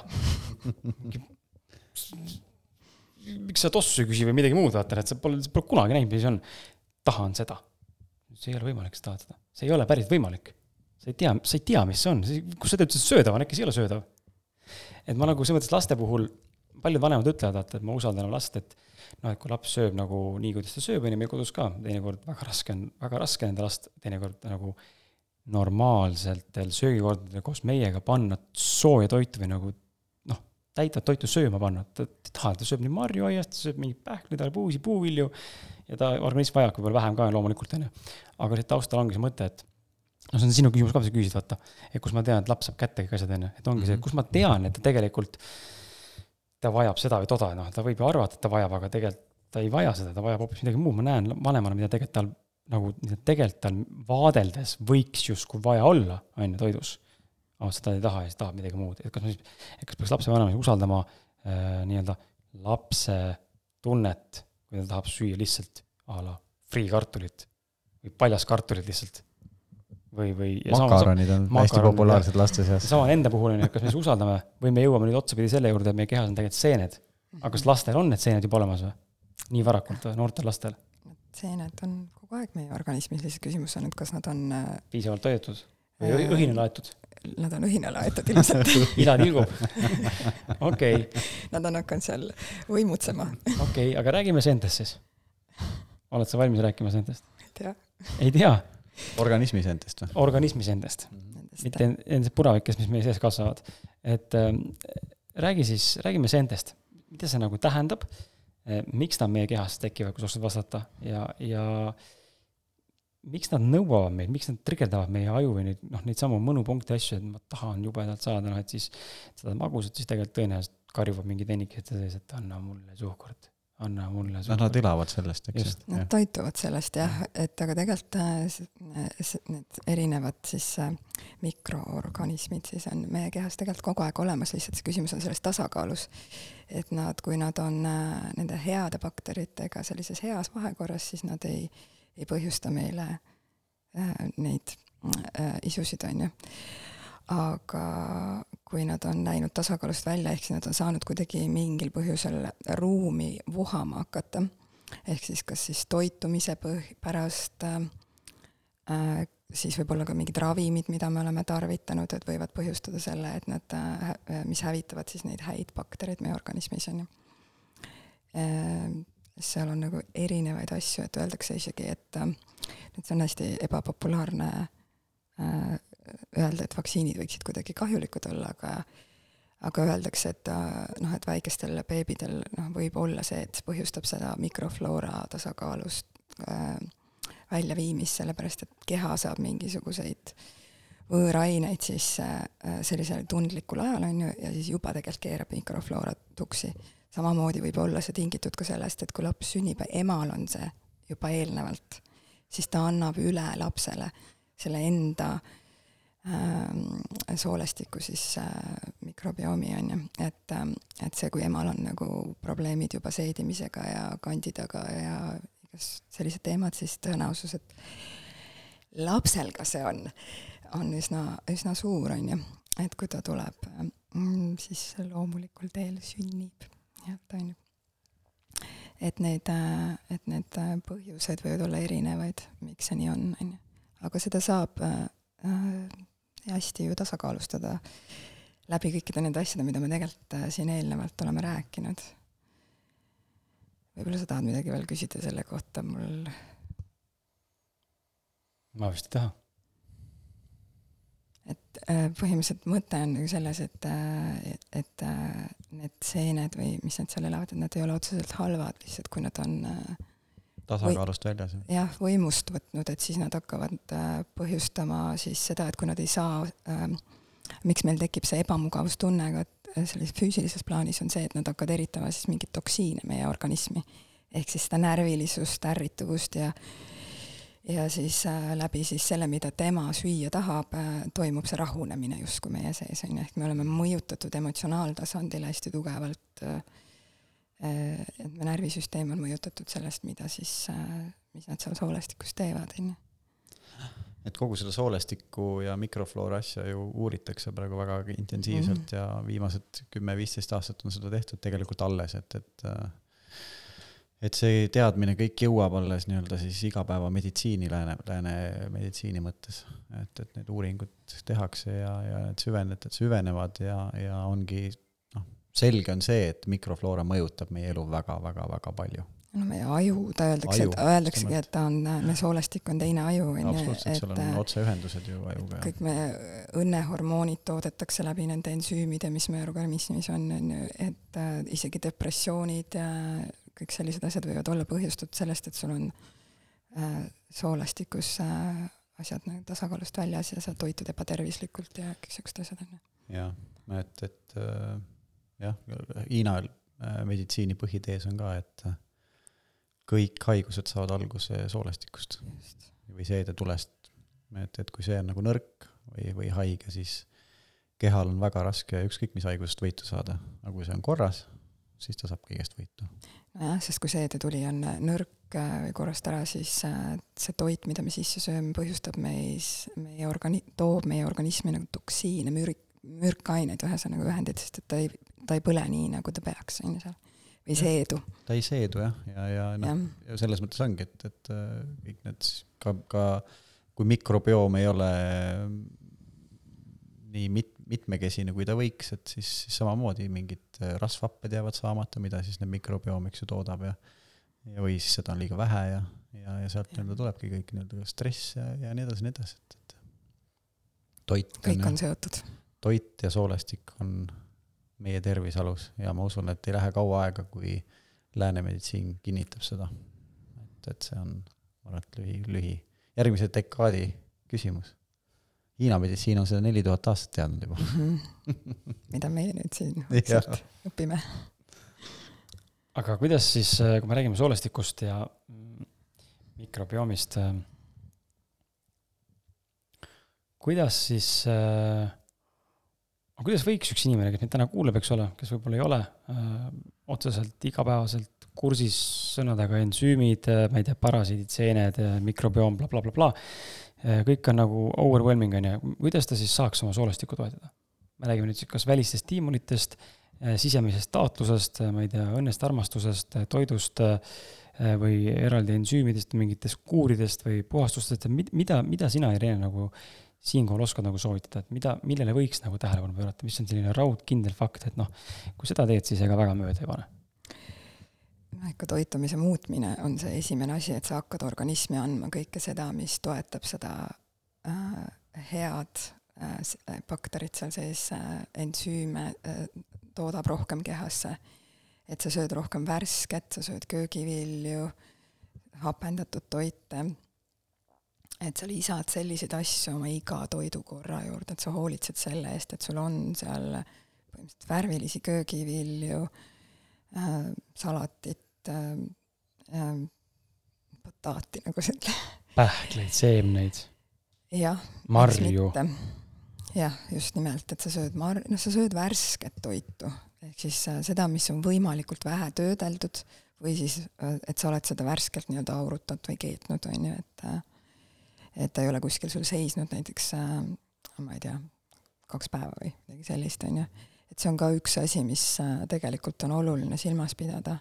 et meil on võib-olla see äh,, osadel inimestel võib-olla see komme, et me teeme mitmeks päevaks endale toidu ette, on ju. sest et siis meil on see justkui olemas, aga tegelikult. ja mugav. ja mugav, aga tegelikult äh, toit, mis on üle kahekümne nelja tunni juba seisnud, tegelikult hakkab lagunema ja, ja siis äh, me peakski seda võib-olla ka jälgima et äh, kõik, mis kehas tegelikult on, nii-öelda on lagunemisprotsessis, et seda me ei peaks tegelikult enam enda sisse panema. ja sellepärast öeldakse ka, et liha söömisega on nagu see, et ta peab olema hästi värske ja pigem hästi harva, kui sa tarvitad liha, sest et ta on ikkagi midagi, mis on juba lagunemisprotsessis hästi tugevalt, on ju. kuigi aeg-ajalt meil on võib-olla vaja just sellist nagu sellist äh,, see, mida ta sisaldab, on ju, ja, ja võib-olla siis sellist maandavat energiat, mida ta annab, on ju no aga rea praktilises poole pealt seda liha ongi väga-väga keeruline leida ju kuskilt või kaladest rääkimata, eks ju. et, et siis pead ise kalamees olema. või ise tapma minema. jah, et tihti on nagu probleem selles ka veel onju, et äh, see liha on mingite hormoonidega üles kasvatatud, antibiootikumidega üles kasvatatud, mis tegelikult on, arvatakse tegelikult ka, et üks nagu põhjus, miks meil on nii palju seda soolestiku probleemi inimestel ongi see, et me sööme kogu aeg antibiootikume sisse läbi selle toidu selle loomse valgu tarbimise, ehk siis piim ja liha ja. no ju, juurviljadega tuleb ikkagi muid pestitsiide ja muud no jama ka tegelikult kaasa. jah, aga seal on lihtsalt see, et seal on kõvasti antioksüdante, mis on jälle immuunboosterid, on ju, mis natuke tasakaalustavad, muidugi ideaalis me tarbime niisugust mahedat ja puhast, on ju, aga igal juhul kui on nagu valida, kas mahe ja puhas ja üldse mitte, siis vali see keskmine sealt tavalisest poest, on ju.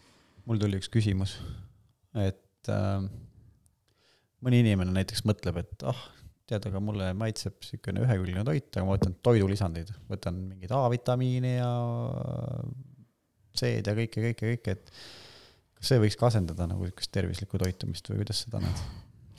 see kindlasti ei asenda tervislikku toitumist ja, ja seal on veel see nüanss ka, et millised toidulisand, et tihti inimesed, ähm, et kui ma nagu toon neile tähelepanu sellest, et võib-olla ta võiks võtta mingeid toidulisandeid juurde, on ju, et kui tal on mingid äh, väsimuse teemad või ma ei tea, lihaskrambid näiteks, rahutud jalad või midagi sellist, on ju.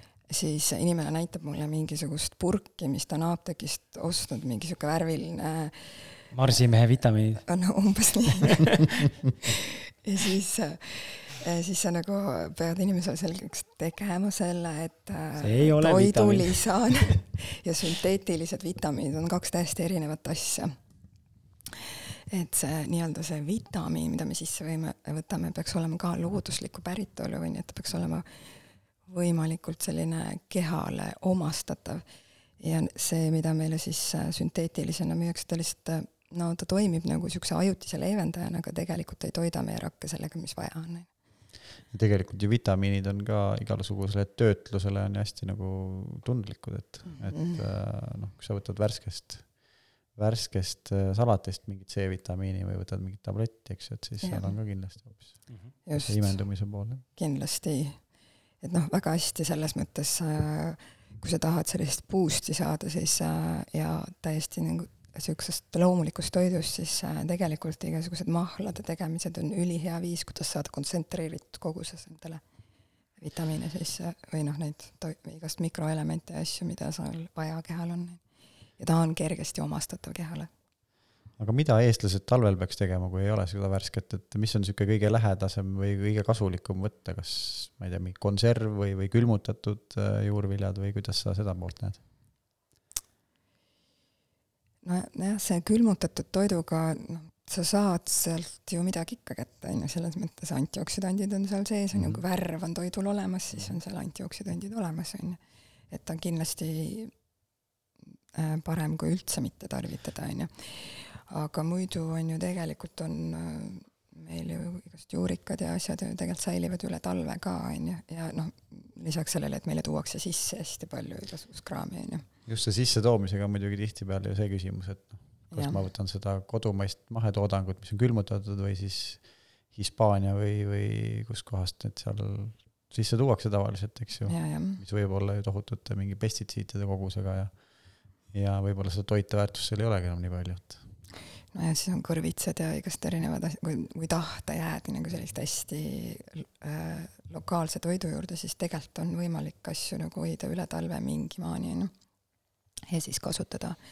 ja talvel me tegelikult ju vajamegi rohkem sellist maandavat, rohkem äh, noh, et kõik, mis on mullas nii-öelda kasvab, mis ei ole mm -hmm. kuskil õhuelemendis, on ju, vaid mis on maandavad, siis võime vajada rohkem rasva, rohkem võib-olla ja just valku ja kõik sellist, mis nagu toekas on meile, on ju, et meil oleks soe mm. -hmm.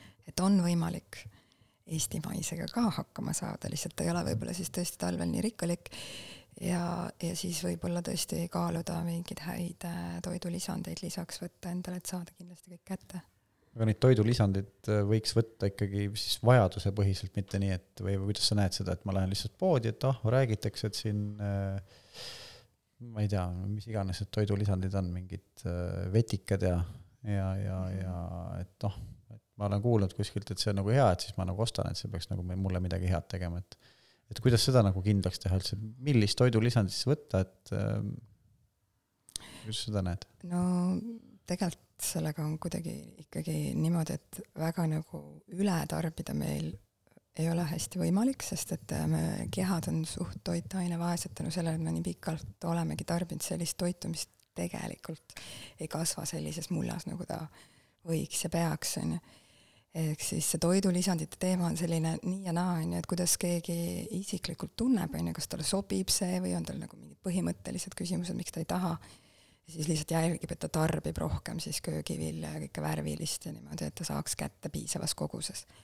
Aga seal on see nüanss, et kui inimesel on juba tekkinud puudujääk tugevasti ja on tekkinud mingid terviseprobleemid, siis selline väga kõrge kvaliteediga toidulisand, mis ongi, kas siis just sisaldab mingeid vetikaid, mingeid taimepulbreid, mingisuguseid tänapäeval ju tehakse väga kvaliteetseid asju mingite äh, kasvatatakse mingeid seente peal mingeid B-vitamiine ja asju, on ju. Et see võib olla väga positiivse mõjuga inimesele ja võtmise osa koha pealt äh, äh, ma isiklikult äh, kasutan ka toidulisandeid, aga jälle nagu tunnetuslikult, et mul on mingi periood, kus ma tunnen, et ma tahan neid. ja siis äh, kaob ära, on ju, suvel pigem nagu mitte, on ju, sest et piisavalt on ka päikest ja kõike värsket, on ju. aga talvel ütleme nii, et kui sa ei ole selline, kes hullult rõhku paneb toidule, siis pigem kasuta terve talv rahulikult äh, toidulisandeid. aga siis jällegi, et sa seal otsi üles see, see, mis on tõesti nagu puhas ja kvaliteetne ja tõenäoliselt sa ei leia seda võib-olla äh, sellistest mainstream kohtadest ma ei oska öelda. kohalik, ole... kohalikust paneelmaja sellest keldrikauplusest. või apteegist, vaid ei, ma ei tea, ma ei ole vaata apteegis niimoodi surfamas käinud, et äh, mul on mingid omad allikad, kus mina ostan ja siis selles suhtes ma ei oska öelda, et ähm, aga kindlasti on mingeid äh, kodulehti ka Eestis, kes müüvad hästi häid asju. ma ise, me oleme siin, me oleme siin materdanud seda liha söömist mingil määral, eks ole, mis on nagu noh osaliselt õigustatud, osaliselt on see võib-olla ka mõne jaoks liiga tegemine. ma ise taimetoitlasena äh, tahan rõhutada, et ähm, ma arvan, et Irene, sa minuga nõustud ka, et äh,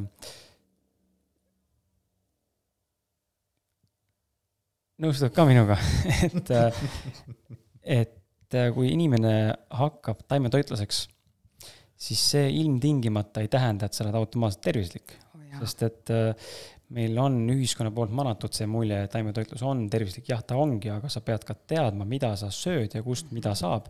ma ei ütleks, et ta on keerulisem kui segatoiduline olla, kindlasti mitte, minu meelest vähemalt, see tundub ainult alguses, see on nagu väga suur pseudo, sest et sul puudub informatsiooniteadlikkus, aga just see fakt, et sa lähed ma ei tea, näiteks noh, need on üleminekutooted, eks ole, mis on nüüd järgi tehtud nii-öelda. sojavorstikesed. sojavorstid ja noh, need sojapalli, mis me täna sõime, vaata, pakuti meile kuskil ja siis või mingid noh, teistsugused jäätised või ühesõnaga kõik on nagu mhm. üleminekutooted, see on see, et sa harjuksid ära sellega, et sa ei söö enam siis loomset, vaid sa saad ikkagi selle tunde kätte, mida sa tegelikult algselt taga oled ajanud harjumuspäraselt, aga et sa saaksid taimset, on ju. Mhm. Need on tegelikult kõik täis e-ained ja tegelikult täis jama, on ju, et need on head vahepeal võtta, aga mina nagu väga, väga, väga nagu tungivalt soovitan inimestele, et ikkagi lähtuda sellest plant-based whole food'ist ehk siis taimsest täistoidust, mis on, mis siis tähendab tegelikult seda, et toit on oma lõhkumata kujul oma algses vormis ehk siis, kui sul on India pähkel, siis sa ei pea India pähklist seda õli sealt eraldama ja hakkama nüüd seda õli eraldi sisse endale sööma rusikaga, vaid sa söödki India pähklit. või teete siis India pähkli nii-öelda kreemiks, on ju, või noh, võiks, on ju, piltlikult öeldes koos õliga. et see eraldamise, eraldamise faktor on see, mis tegelikult tuleks nagu ära jätta, et toit oleks nagu täistoiduna võetav sisse. et noh, mina näiteks panen mustas jube endale smuutisse näiteks ja on mustad toad panen smuutisse näiteks, on ju, kalelehti ja no mis iganes veel, on ju, et jube maitse on, jube maitse on, peaks proovima. terve, terve purk mustad toad läheb, võib keedada ära mingi kogus, on ju, kui ma olen või... sellest teinud sellist äh, võileivamäärat, aga smuutit ma ei ole proovinud. musta brauni võin su retsepti jagada ja väga asju saab teha. braunit ma olen teinud. vot, aga point on ju ka see, et, et jah, et see ei ole alati ilmtingimata tervislikum. et äh, tuleb ikkagi teada, mida sa sööd ja ma arvan, et äh,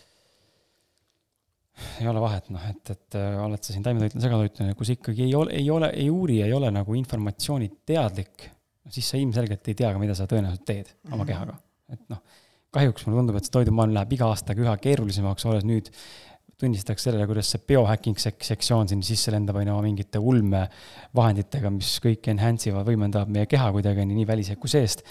mingisugused imelühendid, noh, ma isegi ei tea, mis tähendavad, on ju, et äh, see on nagu jabur, kuhu me tegelikult liigume, mulle tundub, et me natuke nagu lähme nagu üle võlli keeruliseks tegelikult sellega juba et me nagu ühiskond tahab vaata ühtpidi, et see on umbes sama teema, kui ühiskond tahab, et elu oleks hästi kiire, tempokas ja kõik on ambitsioonikad ja kõik on ettevõtjad ja kõik on miljonärid ja edukad ja kuulsad, siis nüüd teistpidi nagu tundub, et see maailm surub seda peale, et me nagu oleksime toidust nagu üliteadlikud kõiges.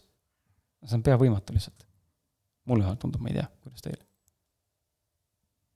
no kõik ei saagi vist kõigest teada.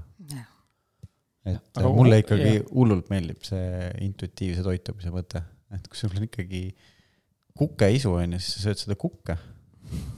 ja, ja kui sul kukeisu ei ole pärast kaks kuud, siis sa ei söö seda kukke, vaid sööd, sööd salatit ja, ja porgandit ja mida iganes, et, et ma arvan, et see on sihuke kõige nagu loogilisem lahendus inimestele ka, et, et. et lähen, et järk-järgult minna siis üle sellisele puhtamale toitumisele, mis mm -hmm. tähendabki loomulikult seda, et me tarbimegi seda liha vähem, sest meil tegelikult ei ole seda nii palju vaja, on ju. Mhm. ja võib-olla mingil hetkel me ei vaja seda üldse, kes seda teab, on ju, et inimene on ju ka, me kogu aeg oleme mingis evolutsioonis, on ju.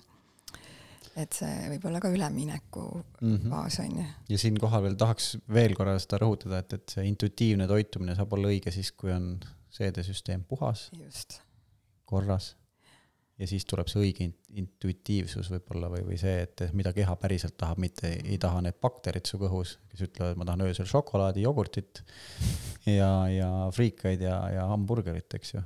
et, et see on selles mõttes ka intuitiivne toitumine, et tõepoolest need bakterid muidu surevad ära sul kõhus siis need annavad sulle signaali, aga, aga see ei ole sinule kuidagi kasulik ja siis mina tahan sinna lisada veel seda, et kui sul on keeruline seda nii-öelda seda soolestikku korda saada, sellepärast et bakterid liiga kõva lärmi teevad, siis see töö emotsionaaltasandiga on hästi oluline mm. -hmm. et vaadata, et siis mis on need trigger'id, sest et äh, võib-olla see tundub mõnedele inimesele liiga nagu ulme, on ju, aga tegelikult need seened, kes seal nagu möllavad, esindavad ka mingit teadvust, äh, saavad meie organismis olla sellepärast, et meis on mingisugused lahendamata teemad sees ka, on ju. Mhm.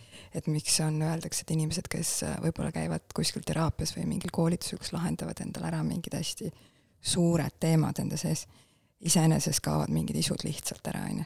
et see on selline koos äh, kombineeritud äh, töö endaga jah, psüühika ja, ja, ja, ja füüsiline keha käivad alati just, koos. et mõnikord on see füüsiline, mis trigerdab selle psüühilise koha ja vast-, mõnikord on vastupidi, on ju. Et see on nagu, et oluline, et kui sul tundub, et kurat, et mina ei saa hakkama nende toit, toitumise muutumiste, siis mine võib-olla alguses teraapiasse ja vaata, mis värk on sul sellega, on ju. absoluutselt, jah. tuleme selle, ma ei tea, kas päris teraapia juurde, aga osaliselt võib-olla läheb ka rännakusse sisse see teema, et sa korraldad inimestele aastas paaril korral puhastavaid rännakuid. mis te seal teete ja, ja mida inimesed sinuga koos seal läbivad? Teemegi kehapuhastust see..., sellist äh, järk-järgulist äh, puhastuskuuri, kus, mis kestab kolmkümmend päeva. kas see ja... hõlmab nii toitu kui ka vaimset, mentaalset, emotsionaalset poolt? ja, ja füüsilist poolt, et kuidas siis ka äh, keha nagu füüsilisel ja siis emotsionaalsel, vaimsel tasandil ka toetada samas protsessis ja kuidas siis järk-järgult tuua sisse neid tervislikke asju ja võib-olla järk-järgult siis välja jätta mingeid ebatervislikke asju, on ju. nii, aga lahkame nüüd, meil on toit, emotsionaalne, mentaalne ja siis psüühiline pool, paneme ühte patta need. ja siis on siis see trenni pool, on ju, kas siis surute rinnad kangi või mis te teete seal? ma teen nalja, aga ma, ma tahan, et sa räägiksid ei, tegelikult see on, see on üsna niisugune soft, mis me seal teeme, et pigem selline liikumine, mis aitab paremat kontakti kehaga saada et sa tunnetuslikult, intuitiivselt jälle liigud. Mul on see, see koht, et mis, mis siis kehal on vaja, samuti on seal mingid sellised keha raputamised, aktiveerimise harjutused, et sa saaksid ühendust, samuti saaksid vabastada neid pingeid, mis tegelikult on sind tun-, toonud sinna tegelikult sellesse kohta, et sa tunned, sul on üldse muutust vaja, et miks sa selle puhastuskuuri ette võtad, et seal on nagu erinevaid põhjuseid, kes tahab paremat tervist, kes tunneb, et et, et stressitase on hästi kõrge, on ju. et, et siis need liikumisasjad ei ole jah, sellised kangi tõstmised, kuigi ka seda sa võid ju teha sellel ajal, on ju, et see, mida mina siis lisan sinna, on selline pehme traumajooga või selline liikumine, mis annavad parema kontakti kehaga mm. -hmm ja mul lihtsalt mõttes, et sa ütlesid, et seda kangi võib tõsta, et kangi peab ise kaasa võtma või sul on olemas seal? tegelikult me teeme seda niimoodi, et ma ei ole ju kolmkümmend päeva nendega seal kuskil ühes äh, spaas või kuskil, on ju, et see on äh, selline äh,, moodustan Facebooki grupi, et siis äh, ma jagan seda infot sinna mm. -hmm. ma olen käinud kodus. ka, jah, igaüks saab kodus teha seda ise ja mis ma olen teinud, olen see, et äh, kui see toitumise muutmise osa on, et siis ma olen nendega poes käinud mm nendes poodides, kus mina käin, võtnud nad kaasa, näidanud neile, et kuidas siis valida toitu, kust riiulitest, millistest poodidest mina midagi valin. et see on ka hästi tore olnud. ja ma see on ülikõva teenus, mida Eestis käivitada mm. -hmm. ma olen ka mõelnud selle peale, ma ei tea, kas keegi pakub päriselt seda, et ma lähen sinuga poodi kaasa ja me, võib-olla toitumisterapeudid teevad seda mingil määral, aga et sul ongi ainult üks teenus ja see ongi see, ma tulen sinuga poodi ja ostame sinuga toidukorvi. ja ma selgitan sulle koos siis etikette lugedes, asju lugedes, miks seda võiks osta, miks seda võiks osta, mida eelistada, mida mitte eelistada. kõva, kõva mõte. päris pull. absoluutselt. see on äge asi, jah. väga pull oleks, ma arvan. see on hästi paljudele väga suur abi, sellepärast et põhikoht ongi siuke, mida ma siit siis valin, onju mhm. eriti kui sa teed nagu muudatusi toidus mm, -hmm. siis on see, et nagu, et ma mäletan ise, kuidas taimetoidu peale läksid, siis äh, esimene mõte oligi see korraks, noh, mul küll oli korraks, aga ma näen seda väga levinuna küsimusena, on ju, inimeste segadusena, et et kui nüüd ei söö liha, ähm, muna, muna, muna, piima, liha ei söö, et mis ma siis nagu söön, siis ei olegi midagi ju. aga kõik muu jääb ju alles, mis enne ka oli. sa olid enne ka taimetoidul. et sa sõid loomulikult valku, asenda siis see valk nagu muu valguga, on kõik. nagu, mis siin nii keerulist on. aga tundub, et meil ongi nagu noh, kuna me nii kinni vaata mingites valikutes, siis meil aju nagu ei fikseeri ära või ma ei tea, kas keha on šokis või ma ei kujuta ette, mis see olla saab, võib-olla mitu elementi korraga. et me nagu ei saa aru sellest, et tegelikult see ei ole nii keeruline, me ise teeme selle palju keerulisemaks enda jaoks. no meil vahest lihtsalt on vaja seda, et keegi näitab meile, teeb meil puust ja punaseks, et siis mul tegi, aa, okei okay,, ma ei tulnud selle pealegi, et üldse mm -hmm. niimoodi vaadata. või et üldse seda letti seal märgatagi, on ju. et noh, ta lihtsalt, see ei ole tema maailmas sees, seal tema süsteemis ei ole, siis ongi see teenus võiks olla nagu see, et kuidas sa siis selle uue info talle niimoodi sisse paned, et ta saab kogemuse sellest, et ahah, okei okay,, niimoodi ma pean liikuma seal poes mm. -hmm. seda ma pean tegema. et füüsiliselt, on ju, et osad inimesed vajavad seda, kõik ei vaja seda, on ju, mõni loeb, selge, ma lähen otsin üles need asjad, on ju. aga tei-, teised jälle vajavad seda, et keegi neid käe kõrval nagu viiks ja kärus, kärus lükkaks niimoodi. kärus lükkaks, just no millist millist tahad võtta nüüd? okei okay., ei no väga, väga lahe, kas äh, mis me, oota, aga meil ei ole kõik ju, on see küsimusega või, seesama puhastavad rännakud või on kõik või? mis toiduga teete seal? otseselt? õpime uutmoodi süüa tegema endale. teete koos süüa ka või? ei ole veel koos süüa teinud selles mõttes. aga veebi vahendusel? Jah, ma nagu jah. kõigil on köögi, köögi webcam on ees. mina, mina teen seda jah, seda, et ma teen tegelikult seda ühe teise naisterahvaga koos onju, siis me teeme selliseid videokesi, kuidas siis me valmistame mingeid erinevaid äh, selliseid toite ja fookus on sellele, et kuidas lihtsalt. Sest et ka taimetoitu võib teha väga väga kui, kui, kui, kuisiini. kuisiinilikult jah ja, ja., et kuidas, et kuidas saada nagu kiirelt ja kähku ja tervislikult äh, et mitte kvaliteedis ka samal ajal alla anda, on ju. terve paprika, terve porgand, üks toores kartul ja, ja. ahju. sest meie käest ka küsitakse seda, et okei okay,, ma teen nüüd endast puhtaks, eks ju mm. -hmm. tahaks nagu midagi muud tarbima hakata, aga ma ei oska mm. -hmm. Siis võiks ju kohe.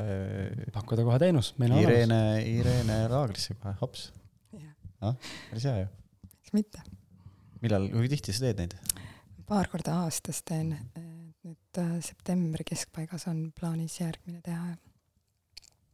tegelikult see on ülilihtne, on toituda tervislikult, äh, nagu sa ütlesidki, et paned taldrikule selle, selle, selle, on ju, et kas sa võid ka nii-öelda lõunapausi ajal, et kui sul on see sul see tatraleib seal kodus olemas ja sul on värsked äh, kvaliteetsed oliivid olemas, sul on seal, ma ei tea, pakk koriandrit ja, ja tomatid ja kurk olemas, siis sa ei pea seda tegema mingiks eriliseks toiduks, panedki kõik need eraldi sinna taldriku peale ja söödki neid ja imemaits, avokaado paned ka sinna, onju.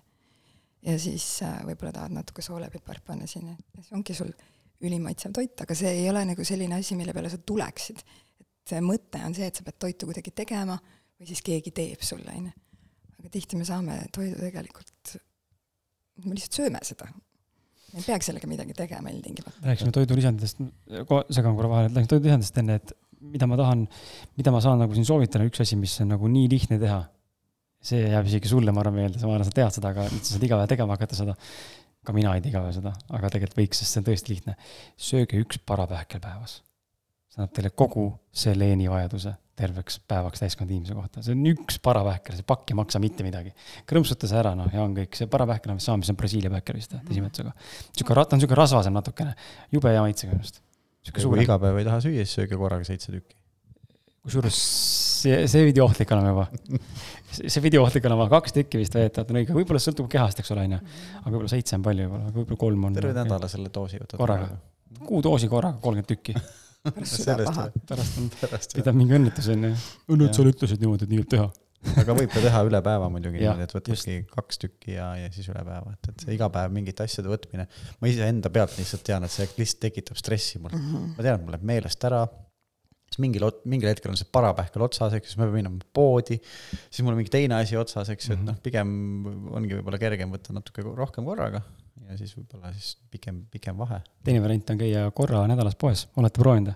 ma Austraalias tegin kogu aeg niimoodi ja nüüd Eestis mõtlesin ka, et huvitav, miks ma nii stressis kogu aeg, kogu aeg olen poes, mõtlesin ka, oota, oota, miks ma siin ei tee niimoodi mm. -hmm. siis mingi aeg käisin nädalas korraliselt poes aga sa pead siis planeerima toidukordasid, see on nagu see bodybuilderit, siis juba sa reaalselt planeerid oma toidukordasid ja sööki, mida sa teed nendest materjalidest.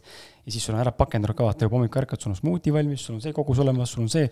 mulle sihuke süsteem väga meeldib, mulle väga sobib see. ma tunnen, kuidas mul stressilevel lausa vist ma pean nagu terve nädal ära planeerima aga toidu, aga toidukord jääb odavam. ma olen seda proovinud ja siis juhtub niimoodi, et mul üleüldse isu nende asjade peale no just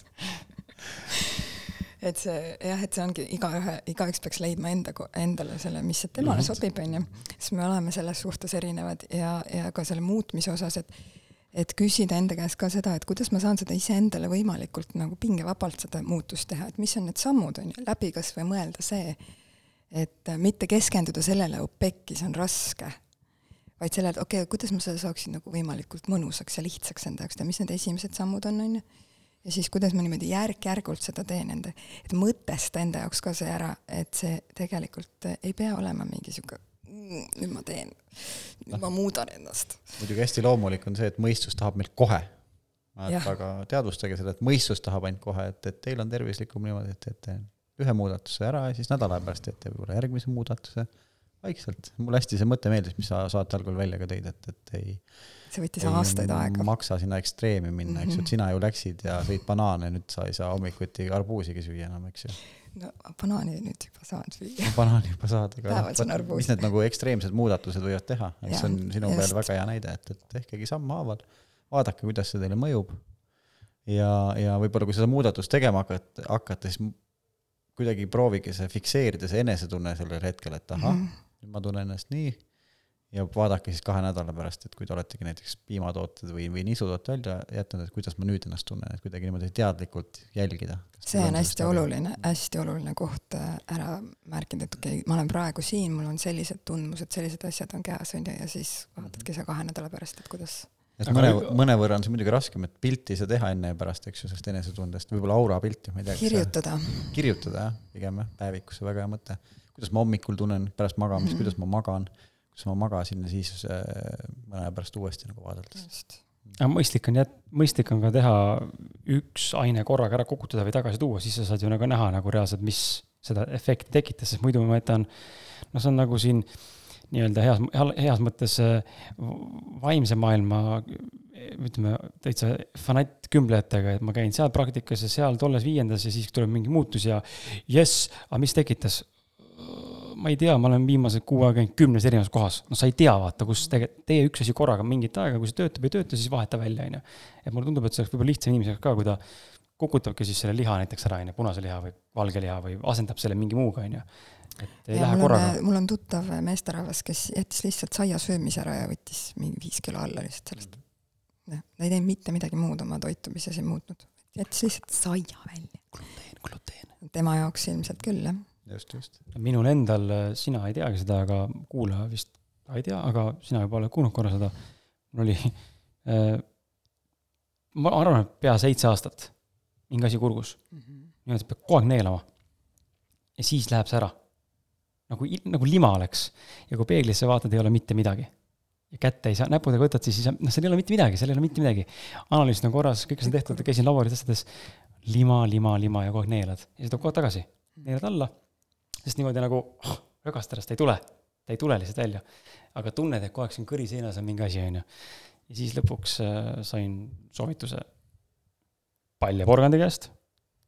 kuule, proovi süüa gluteenivabu kaerahelbeid, sest mul tuli alati kaera peale pudrust, lõi nagu jõhkralt selle terveks päevaks kinni kõri. ja siis sõin gluteenivaba Eloveena kaerahelbeid, ma söön ka neid.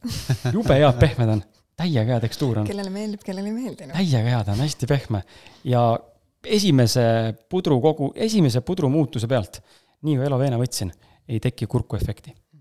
uskumatu lihtsalt, uskumatu lihtsalt, ma olin šokis, see ei ole võimalik. seitse aastat maadleid ja mõtleid ja käidud ja mingi isegi, mina, kes ei lähe mitte kunagi arsti, läksin isegi arsti juurde analüüsi andma, siis mõtlesin, äkki mul on midagi viga juba, nagu mul üks sõbranna äh, aastaid tagasi, noh, eluaeg olnud migreenihood või noh, ütlesidki, tegelikult oli tal niimoodi, et tal oli migreen niimoodi foonis oli nagu kogu aeg oli peavalu ja siis vahepeal oli tugevamalt hullult tervislikku toitu ja teeb trenni iga päev nagu, kõik oli nagu super. ja siis äh, aga ta, siis ma mõtlesingi, et kohe mul tekkis seos gluteeniga ja siis ta ütles, et ei, et ma ei söö saia üldse. aga mida ta sõi iga hommikul, tal oli üks täistera leib koos siis mingite salatite ja asjadega. Ma ütlesin, et aga vaata, leib tegelikult trukis sisaldab samamoodi gluteeni, et vaata, kui sa selle välja jätad. ja siis ta kaks nädalat hiljem ütles, et Irene, ma poleks elus uskunud seda.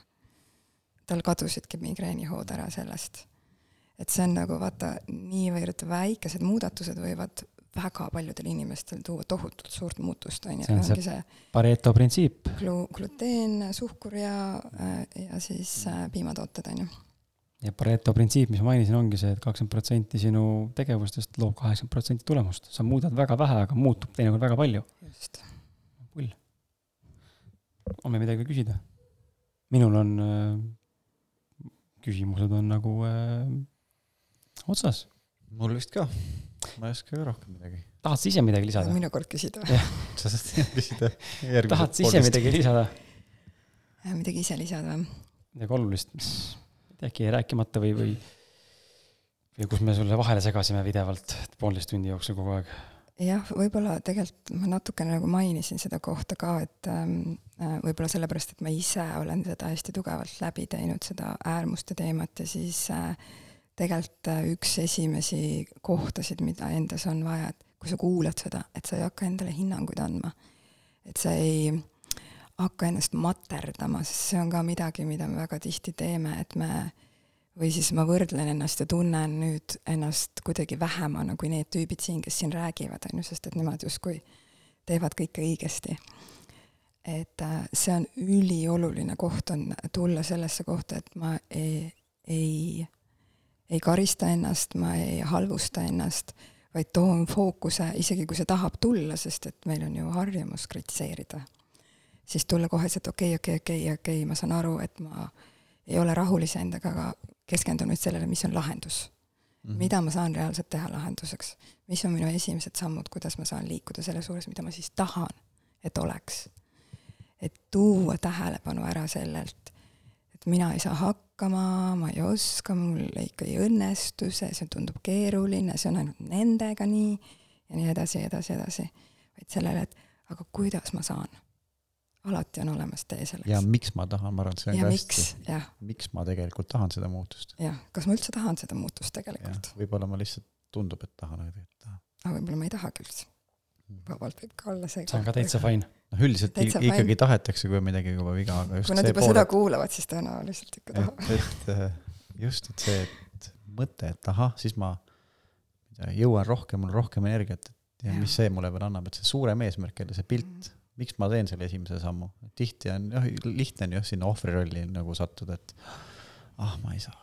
ja Nagu isegi kui sa teed need sammud ja siis ebaõnnestud mingites kohtades, libastud ja ikkagi avastad ennast seda torti äh, mugimas seal, siis on see koht, et ma nüüd kas tunnen ennast sitasti ja söön seda, mida ma ei, justkui tohiks süüa. okei okay, ma praegu ei saanud hakkama, palun vabandust, keha. ma lihtsalt praegu tahtsin seda torti, anna mulle Mhm. andeks, püüame nüüd hakkama sellega saada, et ma proovin homme paremini. mm. -hmm. Et see positiivne sisekõne on ülioluline. ja niimoodi niimoodi järgmised viis aastat, iga päev. anna andeks mulle täna ka. homme võtan kokku. aga teate, lõpuks ei anna õnneks. jaa, lõpuks tekib enesevihkamine ja sihuke põlastus ja muud asjad juurde juba. keha jääb lihtsalt ja haigeks. seda ka muidugi. mul te-, mul tekib see enesevihkamine. ikka mõttetu vend ikka valetab endale okei, see on just see, mida ma rääkisin, et hoida ära. Kus me sind, kus sind leida võib, kui inimesed tahavad tulla näiteks sellele mm, sinu nendele puhastus äh, retriitidele või kuidas, kuidas see õige nimetus on ähm,? kus sind, kus sind jälgida saab ja, ja jah äh,, praegu veel sotsiaalmeedias, et mul koduleht on tegemisel hetkel, aga siis äh, jah, Facebookist, Instagramist minu nime alt leiab mind ja saab minuga suhelda ja, ja, ja ilmselt ma panen sinna varsti ka selles, selle ülesse, selle info.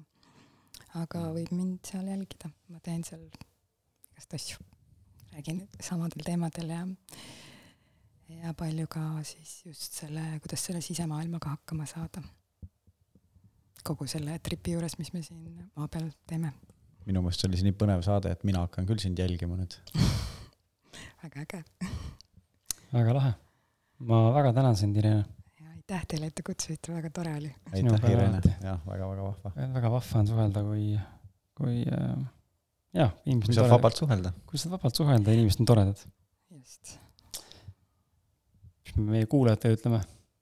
Zen Glensi kuulajatele. aa, ma tahaks üleskutset teha, et, et, et kui teil on äh, mingeid mõtteid või, või asju, millest te teada tahaksite, kuidas te iseennast aidata saate, siis andke meile teada, me püüame leida teile jälle spetsialisti või, või inimese, kes, kes äh, sellest teab ja, ja siis räägime temaga vaatame, kes, kes teil on. kas, kas neil on siis neil tööl teile midagi head soovitada? või kui hästi läheb ja veab, siis võib-olla oskame ise rääkida. võib-olla oskame ise rääkida, jah. me ei teagi, egas midagi, kuula järgmisi ja eelnevaid episoode ka. ja kohtame juba järgmises episoodis. Tšau. aitäh kuulamast, tšau-tšau. tšau.